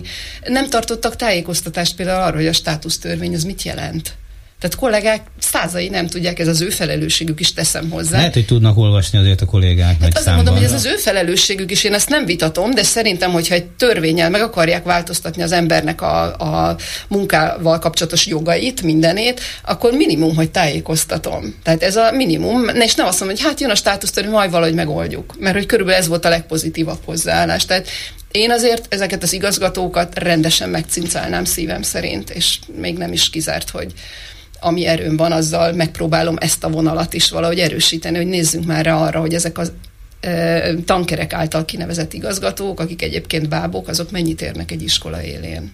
Simko Edith Vej Zoltán és Bolgár György, velük beszéljük meg a hét eseményeit, Dési János vagyok. Mindig születik egy jogállamisági jelentés az Európai Unióban. Most csak egy pontját idézném föl nektek, hogy a média helyzetéről is értekezik és ma már elmondtam ebben a műsorban, hogy bicikliztem ide befelé, és egyszer csak a szemen ütött egy szép nagy plakát, az van ráírva, hogy hír, TV, rádió, és ott van egy szám, egy frekvencia szám. És mondom, de ismerős nekem ez a szám. A mi telefonszámainknak a vége egyébként 95.3, még itt a régi telefonszámainknak. Hát ez a mi frekvenciánk volt. Ezt reklámozzák. Hát, hát a lopott árut. Tehát az jutott eszembe, hogy, hogy, hogy 45 után a nagymamám végigjárta a szomszédokat, és próbálta visszaszedni, amit elraboltak tőlük, a, vagy megőriz, megőrzésre átvettek a szomszédok. Na de sikerült? Volt, amit sikerült, volt, amit nem. Hát ezek megőrzésre átvették a mi frekvenciánkat. Ez a jogállamiság, hogy kiteszi a plakátot. Most bizonyos szempontból jobban jártunk de azzal, hogy az interneten sokkal több embert tudunk elérni, sokkal nagyobb földrajzi körben, de nem azért vették el a mi frekvenciánkat, hogy nekünk jó legyen. És minden további nélkül büszkélkedik vele. Ő is, mert nekünk több frekvenciánkat is vették el, hogy a lopott áruval, jogilag nyilván nem lopott, erkölcsileg szerintem mégis az, azzal most ők ott virgonckodnak. Azzal nem büszkélkedhetnek, hogy ezt a lopott árut a Karc FM-nek adták oda, annak idején, az pedig megbukott és lett belőle hírefem, ugye a hír televízió alá tolták az egészet. Ezzel nincs büszkélkedni való, ezért aztán úgy tesznek, mint a mi sem történt volna. Hát itt van nektek egy hírrádió, úgy hívják, hogy hírefem, és 95,3. És független. Ajaj. A hírektől. De... Szakmai hiúságra nincs okuk, politikaira valószínűleg van, mert ilyen alapon lehet gátlástalanul mindent megszerezni. Egyébként volt az a másik rádió, amelyik a, szintén a mi valamelyik frekvenciánkon működik, és most például, ha jól emlékszem, beszüntette a reggeli műsorát, mert most már megvan a frekvencia. Ugyan, ja, a, igen, igen, igen. Tehát, tehát, hogy minden, mindegy, lényeg csak, hogy a rombolás, tehát, hogy ne az övék legyen, és akkor szerencsére mindig van valaki, aki, ahogy említette az iskolai igazgatókat, tehát a mi kollégáink között is, akik bátran kollaborálnak a rablásban és pusztításban. Igen, és egyébként ez egy nagyon fontos dolog, hogy nagyon gyakran számon kérik a pedagógusokat, hogy miért nem tudnak összefogni, de bármelyik társadalmi csoportot, vagy bármelyik szakmát tudnám mondani. Mikor a sajtótájékoztatókról kitiltottak kollégákat, ott volt az egész sajtó, mikor, mikor a, az egészségügyben csinálják, tehát hogy nincsenek ott. Tehát hát ezt az... kéne me- megtalálni, ennek a gyógyszerét, hogy ez ne így működjön. Én azt gondolom, hogy például a hét nagy eseménye, ami, ami szerintem a legfontosabb történés, még azon is, annál is fontosabb, hogy megdöglöttök annyulunk, hogy eh, a hatházi valami történt. Én szerintem az egy olyan, olyan példátlan dolog a, a magyar köztársaság történetében, hogy most az összes parlamenti képviselőnek, akinek van, van bármi jó ízlés, vagy akivel szorult, az, az, annak most meg kellene mozdulnia. Hát most itt hihetetlen komoly ellenreakció kellett volna, hogy legyen, és láthatóan kezdik magára hagyni a, a, a sompolygó rókát. Mert hogy lerókázta Orbán Viktor. Igen, de én nem csak a rókák nevében kérem ki ezt magamnak, hanem a vidéki embereknek, akik itt lelettek kopottazva, lelettek alacsonyítva ebbe a mondatba. A nagy populista Orbán, aki abból él, hogy a, előadja a vidéki jócsávót, aki ilyen kemény gyerek, és issza a pálinkát a büdös disznókörömből. Tehát, hogy itt most ő beszólt a vidékiekre is de nagyon durván, hogyha úgy jobban megvizsgáljuk ezt a mondatot. Igen, ez is igaz, de valóban én is úgy gondolom, hogy ez a hét sőt bizonyos értelemben még ennél is Abszolút. hosszabb időszaknak a legfontosabb Igen. eseménye. Nem csak azért, mert megmutatta, hogy Orbán Viktor tulajdonképpen, ó, szegény, milyen sérülékeny, hogy mennyire nem tud egy egyszerű, bár kellemetlen kérdésre válaszolni. Itt áll több mint 30 év, vagy 35 év politikai tapasztalattal. Ebből 17 évet miniszterelnökként töltött el. És nem tud válaszolni arra az egyszerű és nem váratlan kérdésre, hiszen ezt a kérdést több formában már föltette neki hatházi is, meg a sajtó is, tehát nagyon is tisztában volt azzal, hogy miről van szó, hogyan lehetne ez alól kibújni, és nem volt képes rá, hanem elkezdett kényszeredetten vigyorogni, száját nyalogatni, odaszólogatni a Szijjártónak, meg a másik képviselőnek, hát, hát most mondjátok meg, hát most milyen ember, most mondjátok meg, hát ez a sunyi róka, hát mondjátok, kvázi felszólította őket, hogy mondjátok meg neki, és azok, meg. azok próbálták is, az egyik például előjött azzal, hogy az apám azt mondta, hogy nem kérdezünk, hanem ütünk. Szóval egészen elképesztő volt, hogy rögtön, rögtön fedezékbe vonult, Szijjártó és Szűcs Lajos mögé, és aztán amikor végig gondolta a dolgot, akkor rögtön egy olyan igazán méltatlan és felháborító és aljas ellentámadásba kezdett, ami egy miniszterel, minden politikustól és minden embertől igen, de egy miniszterelnöktől aztán különösképpen visszataszító, elfogadhatatlan és döbbenetes hát önjellemzés volt, hogy, hogy az az ember, aki kérdezni mer tőlem, az egy sunyi állat. Mondhatta volna azt is, hogy mocskos állat, nem tudom, miért a róka jutott az eszébe, Hát Sunyi mert gondolom magáról a kis herceg. Ez is lehet, de az, hogy mi mindenkivel mindenről beszélünk, mindenkivel szóban. Igen, én úgy vettem észre, mintha nem állnának szóba. Ő kifejezetten nem áll szóba az ellenfeleivel. Se választási kampányban, se miniszterelnök jelölti vitában, se a független sajtóval, hogy leüljön egy hosszabb interjúra. Ezt még meg is indokolta valahol valamilyen, talán egy ilyen nagy nemzetközi sajtóértekezleten, amit nagy kegyesen egy évben egyszer tart, hogy most miért kellene nekem válaszolnom különböző rossz indulatú kérdésekre? Hát ott nem az a cél, hogy megtudjanak valamit, hanem hogy rossz indulatú kérdéseket tegyenek föl nekem. Erre nekem nincs időm, mondta ő, tehát ezekkel nem foglalkozom. Nem látja, hogy a templomból jövök ki ember, és így tovább ugyan ez megy, és de hogy idáig süllyedjen, hogy azt mondja egy képviselőtársának, aki nem sértegette őt, csak azt kérdezte meg, hogy kiadott utasítást arra, hogy az önrepülőgépe, az a honvédségi repülőgép Törökországról úton hazafelé tegyen egy ezer kilométeres kitérőt, és Toszkánában szálljon le kiadott utasítást rá. Vagy azt mondja rá, hogy én, vagy azt mondja, hogy a repülőgép parancsnoka, vagy azt, hogy a honvédelmi miniszter, vagy a Georgia Meloni miniszterelnök kérte, millió válasz lehetséges, azt is mondhatta volna, ez nem önre tart, minden mondhatott volna. Egy dolgot biztos nem, hogy maga sunyi sompolygó róka szőrét hullató vidéki róka. Egészen elképesztő. Igen, csak te még mindig egy ilyen demokratikus működésben gondolkozol, ahol a kérdésre Nem, a politikus... Normális emberi működésben, normális emberi működésben ők visz, ő viszont egy ilyen hatalmi pozícióban gondolkozik, ahol én vagyok, akit nem érhet kér, kérdés, nem érhet bírálat, nem, nem, nem, nem is tehát nem is méltóak azok, hogy a tekintetünket rám vessék. Szó sincs arról, mert ha ő válaszol a kérdésre, azzal elismeri valamennyire az, hogy egy képviselőnek köze van a közügyekhez, kérdezhet, felelősségre vonat vannak fékek és ellensúlyok, és ezt meg is kell mutatni, hogy ez egy ösztönös reakció benne, vagy egy végig gondolt politika, nem tudom, meg kell mutatni, hogy nincs szó erről.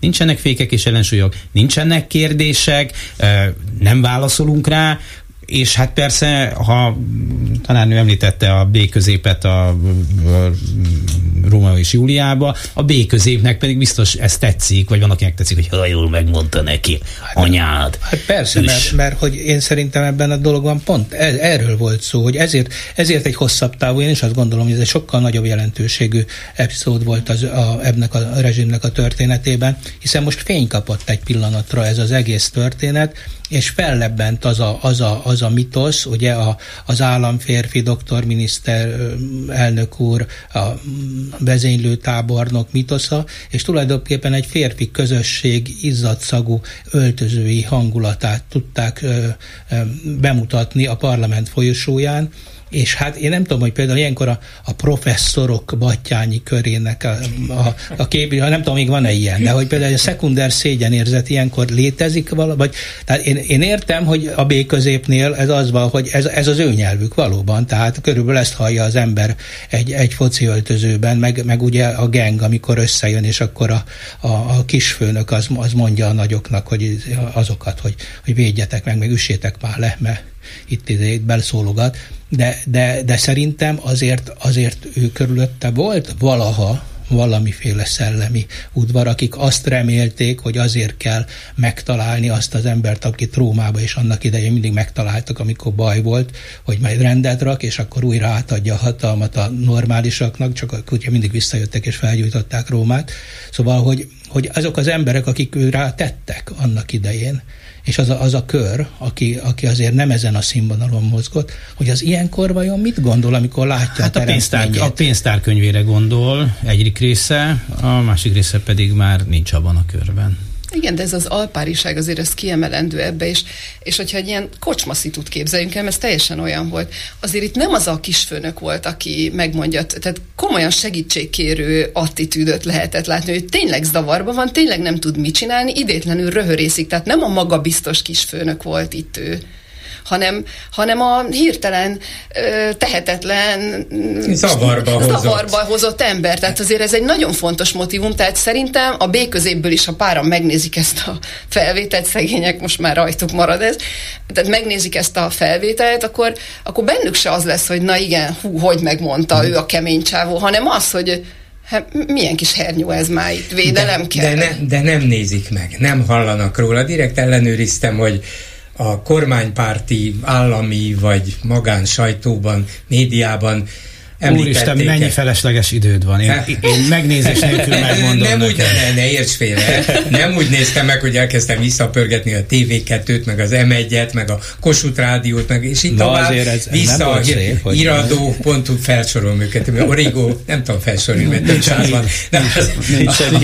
Hanem megnéztem egy olyan hírgyűjtő helyen, hogy akkor hatházi Ákosnak a videójáról kik közöltek híreket? Hát érdekes módon csak a független média az, az se a hír, híradó.hu, az MT-től kezdve. Jó, jó, de én azért nem becsülném le, nem tudom, azt nézte, de a különféle szociál, hogy mondják, szociális, szociális appokat, appeket, tehát a Facebooktól, a Twitteren biztos, keresztül elképesztő izébe terjed, igen, terjed, és azért egy 30 elet, egy 40 alatti korosztály már ezeket nem nagyon figyeli, de, amiket de, mondasz. Nem, nem lehet totális cenzúrát csinálni, azért ez nem olyan, mint Ezt a, mondom. a, a kommunista rendszer volt természetesen. Csak azt akarom neked mondani, hogy de még a Facebook körökben, a közösségi médiában is, hát azok, azok saját buborékok alapvetően, nem mondom, hogy mindegyik politikai alapon szerveződik, biztos nem, de hát mégiscsak hasonszőrű emberek, ismerősök, barátok nagyjából tudják, hogy kinek mit kell eljuttatni, tehát azok fogják ezt terjeszteni, akikről azt gondolják, hogy, vagy olyanoknak, akikről azt gondolják, hogy hát ezen te is jót rögsz, vagy ugyanúgy szörnyűködsz, mint én. Nem pedig olyanok kezdik egymás között, hogy te figyelj ide, Hát ezer éve bízunk a mi drága jó vezérünkben. Hát láttad ezt? Hát úgy látszik, valami történt vele. Nem, ilyen, ilyen Facebook csoportokat te nem igen fogsz Nem tudom, 5700 hozzászólás van csak a Facebook oldalán hatházinak, és nem is látom, hogy hány megosztás, szóval azért ez... Biztos vagyok benne, hogy még az Orbán Facebook oldalán is kapott a fejére nagyokat, még ugye Megnézzük. oda, hát biztos. De ez nagyon kevés nagyon ember, kevés. ez az Igen. 5700. Én is azt mondom, ha 570 ezer, ahogy hatházi szoktam mondani, majd ha százezrek fogják követelni a médiának a tisztességes, objektív működését, akkor lehet változtatni. 5700. Hozzászóló, ez csak hozzászóló, hozzászóló egyetlen egy oldalon. Igen, igen. Egyébként hát. belegondoltam, hogy, hogy miért, miért is mondhatta ezt a rókát. Én szerintem itt a ravasszora Igen. gondolt, hogy, hogy állandóan a kezét azon tartja, és most ezen nem tudja. de az, a dologban nem akarom túlmagyarázni a dolgot, de ő általában a beszédeiben gyakran hivatkozik arra, hát nem csak pozitív, de bizonyos értelemben mégis pozitív kontextusban, hogy a Soros is, hát ő is egy olyan Róka? rava, igen, ez a ravasz, hogy hát csak hát rossz hát, az, ott, az, ott, az ott zsidózás. De a magyar, igen, az ott zsidózás. De a magyar egy fur, furmányos, arra a magyar inkább a furmányos jelzőt használja, hogy mi tudjuk azért, hogy hogy lehet kibújni bizonyos dolgok alól, és hogy lehet megtalálni a mi igazunkat. Nem vagyunk ugyan erősek, csak kicsik, de elég ravacak és furványosak. Tehát ő ezt hát a pávatáncról most akkor nem is beszélek, amit szintén ő maga vallott be magáról. Tiszta állatkert, hát, Tehát ő ebben a kontextusban gondolkodik, nem véletlen, hogy eszébe jutott ez, de úgy látszik, tud ez neki úgy is az eszébe jutni, hogy ez a mocsok ravasz róka, aki ide mer jönni. Nem a róka, tudom. A róka nem, az aki vagy ami? Nem akarok lelki kórképet hát, Ha megszemélyesítjük, akkor már akiként beszélhetünk Igen. róla. A kis herceg rókája mindenképpen aki. De a, lé, de a lényeg a lényeg, hogy ez olyan súlyos fejezete a, a magyar politikának, közéletnek, nyilvánosságnak, hogy ezt nem szabad elfelejteni, hogy idáig juthatott a magyar miniszterelnök. És én nem tudom, Gyuri vagy Zoli mondta az előbb, hogy eh, szolidárisak-e a képviselőtársai Hatázi Ágossal. Szerintem ez egy alapvető kérdés. Igen. Ha nem, akkor puszíjuk őket innen is.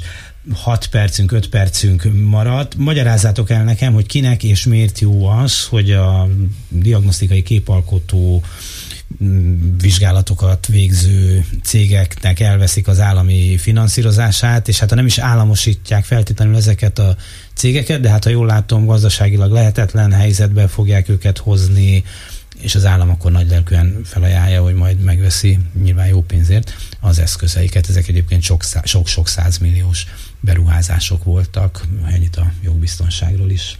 Hát ez egy kivétel Csányinak biztos jó, ugye, mert az ő ő kivételt képez ebbe, ő külön alkusz megint. Egyébként meg azt gondolom, hogy ez is csak egy újabb ilyen mindent összeszedünk, mindent összegyűjtünk, ami mozdul, és az a helyzet viszont, hogy ezekhez a gépekhez szakemberek is kellenek, ugyanúgy, mint a lélegeztetőgépekhez kellettek volna, aminek ugye már a papírja is sincsenek meg, mert azok a lélegeztetőgépek nem is olyanok voltak ráadásul, de szerintem egy hasonló, hozzá nem értő, kabzsi kis gömböc módú mindent összeszedek, minden fölött kontrollálni akarok helyzet. Nem tudjuk, hogy miért jó, de valószínűleg ez az alap hogy Orbán Viktor mindent maga alá akar gyűrni, és kiadja az utasítást, az egészségügyben a problémákat úgy oldjátok meg, hogy mindent koncentrálunk, mindent. De ettől a probléma között. nőni fog. Igen, Persze. de az őt nem érdekli. Ő azt mondja, és szerintem ebben még csak nem is mm, tévedni téved, csak nem, nem hazudik, vagy nem szándékosan hazudik, hogy én úgy gondolom, hogy meg tudom oldani a problémát, vagy legalább csökkenteni, mégpedig úgy, hogy mindenre rálátunk a központból. Ez a szoci, valamiféle ilyen szocialista becsípődése neki még a saját fiatalkori szocializációjában. Jó, rossz volt az a kádárrendszer, de rosszul de csinált. De ez csak azért részben igaz, mert pont az előbb beszéltünk az egyetemekről, és számtalan és ilyen dolgok, amit kiviszünk belőle. Na, ez az, kivisszük amit... a koncesszióba igen. az autópályák karbantartását. 35 évre a szemete, szemét, hulladékkezelést kivesszük, a nem tudom, mit kivesszük, és odadunk igaz. mindent Mészáros Lőrincnek, vagy esetleg a holnap picit az OTP-nek. Úgy gondolja tovább, hogy a problémát megoldjuk, vagy csökkentjük azzal, hogy koncentráljuk, aztán amikor látjuk, hogy kik a megbízható elvtársaink, embereink, oligarcháink, stb., akkor a megbízható embereinknek már odaadjuk. Lehet, hogy ingyen, mint a kastélyt, lehet, hogy olcsón, mint a nem tudom mit, és akkor már a dolog menni fog, hiszen a mi embereink irányítják ezeket is most nem, vagy nem feltétlenül. Először tehát az állam gyűjtse össze, aztán ossza ki, és akkor már a mieinké lesz egyetem is, képalkotó berendezés. Mert a szocializmusnak voltak hibái, de végül is a, a, a legendás Cinege kivételével azért, hogy viszonylag kevés dolgot lehetett hazavinni. Tehát amikor vége lett a dolognak, akkor az ott állt egybe.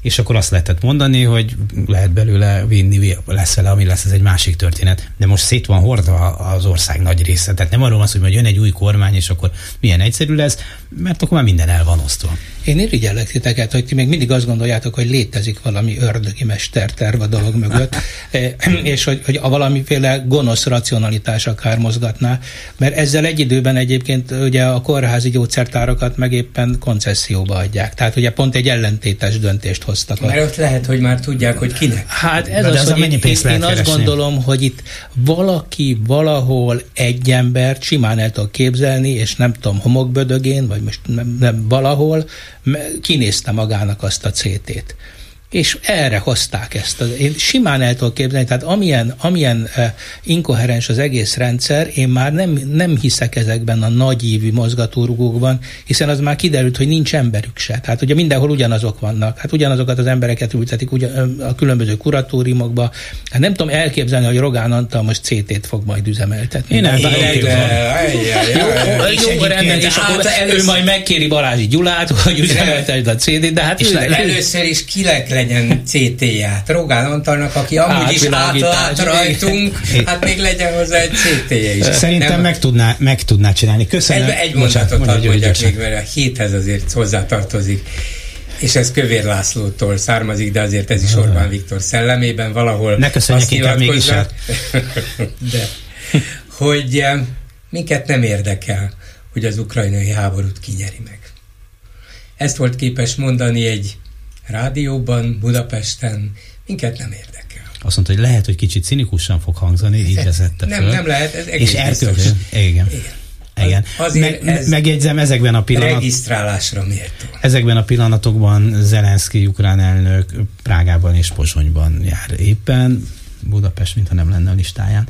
Köszönöm szépen Simko Editnek és Veli Zoltánnak, hogy itt volt velünk és segítettek megbeszélni a hét eseményeit és Bolgár Gyurinknak.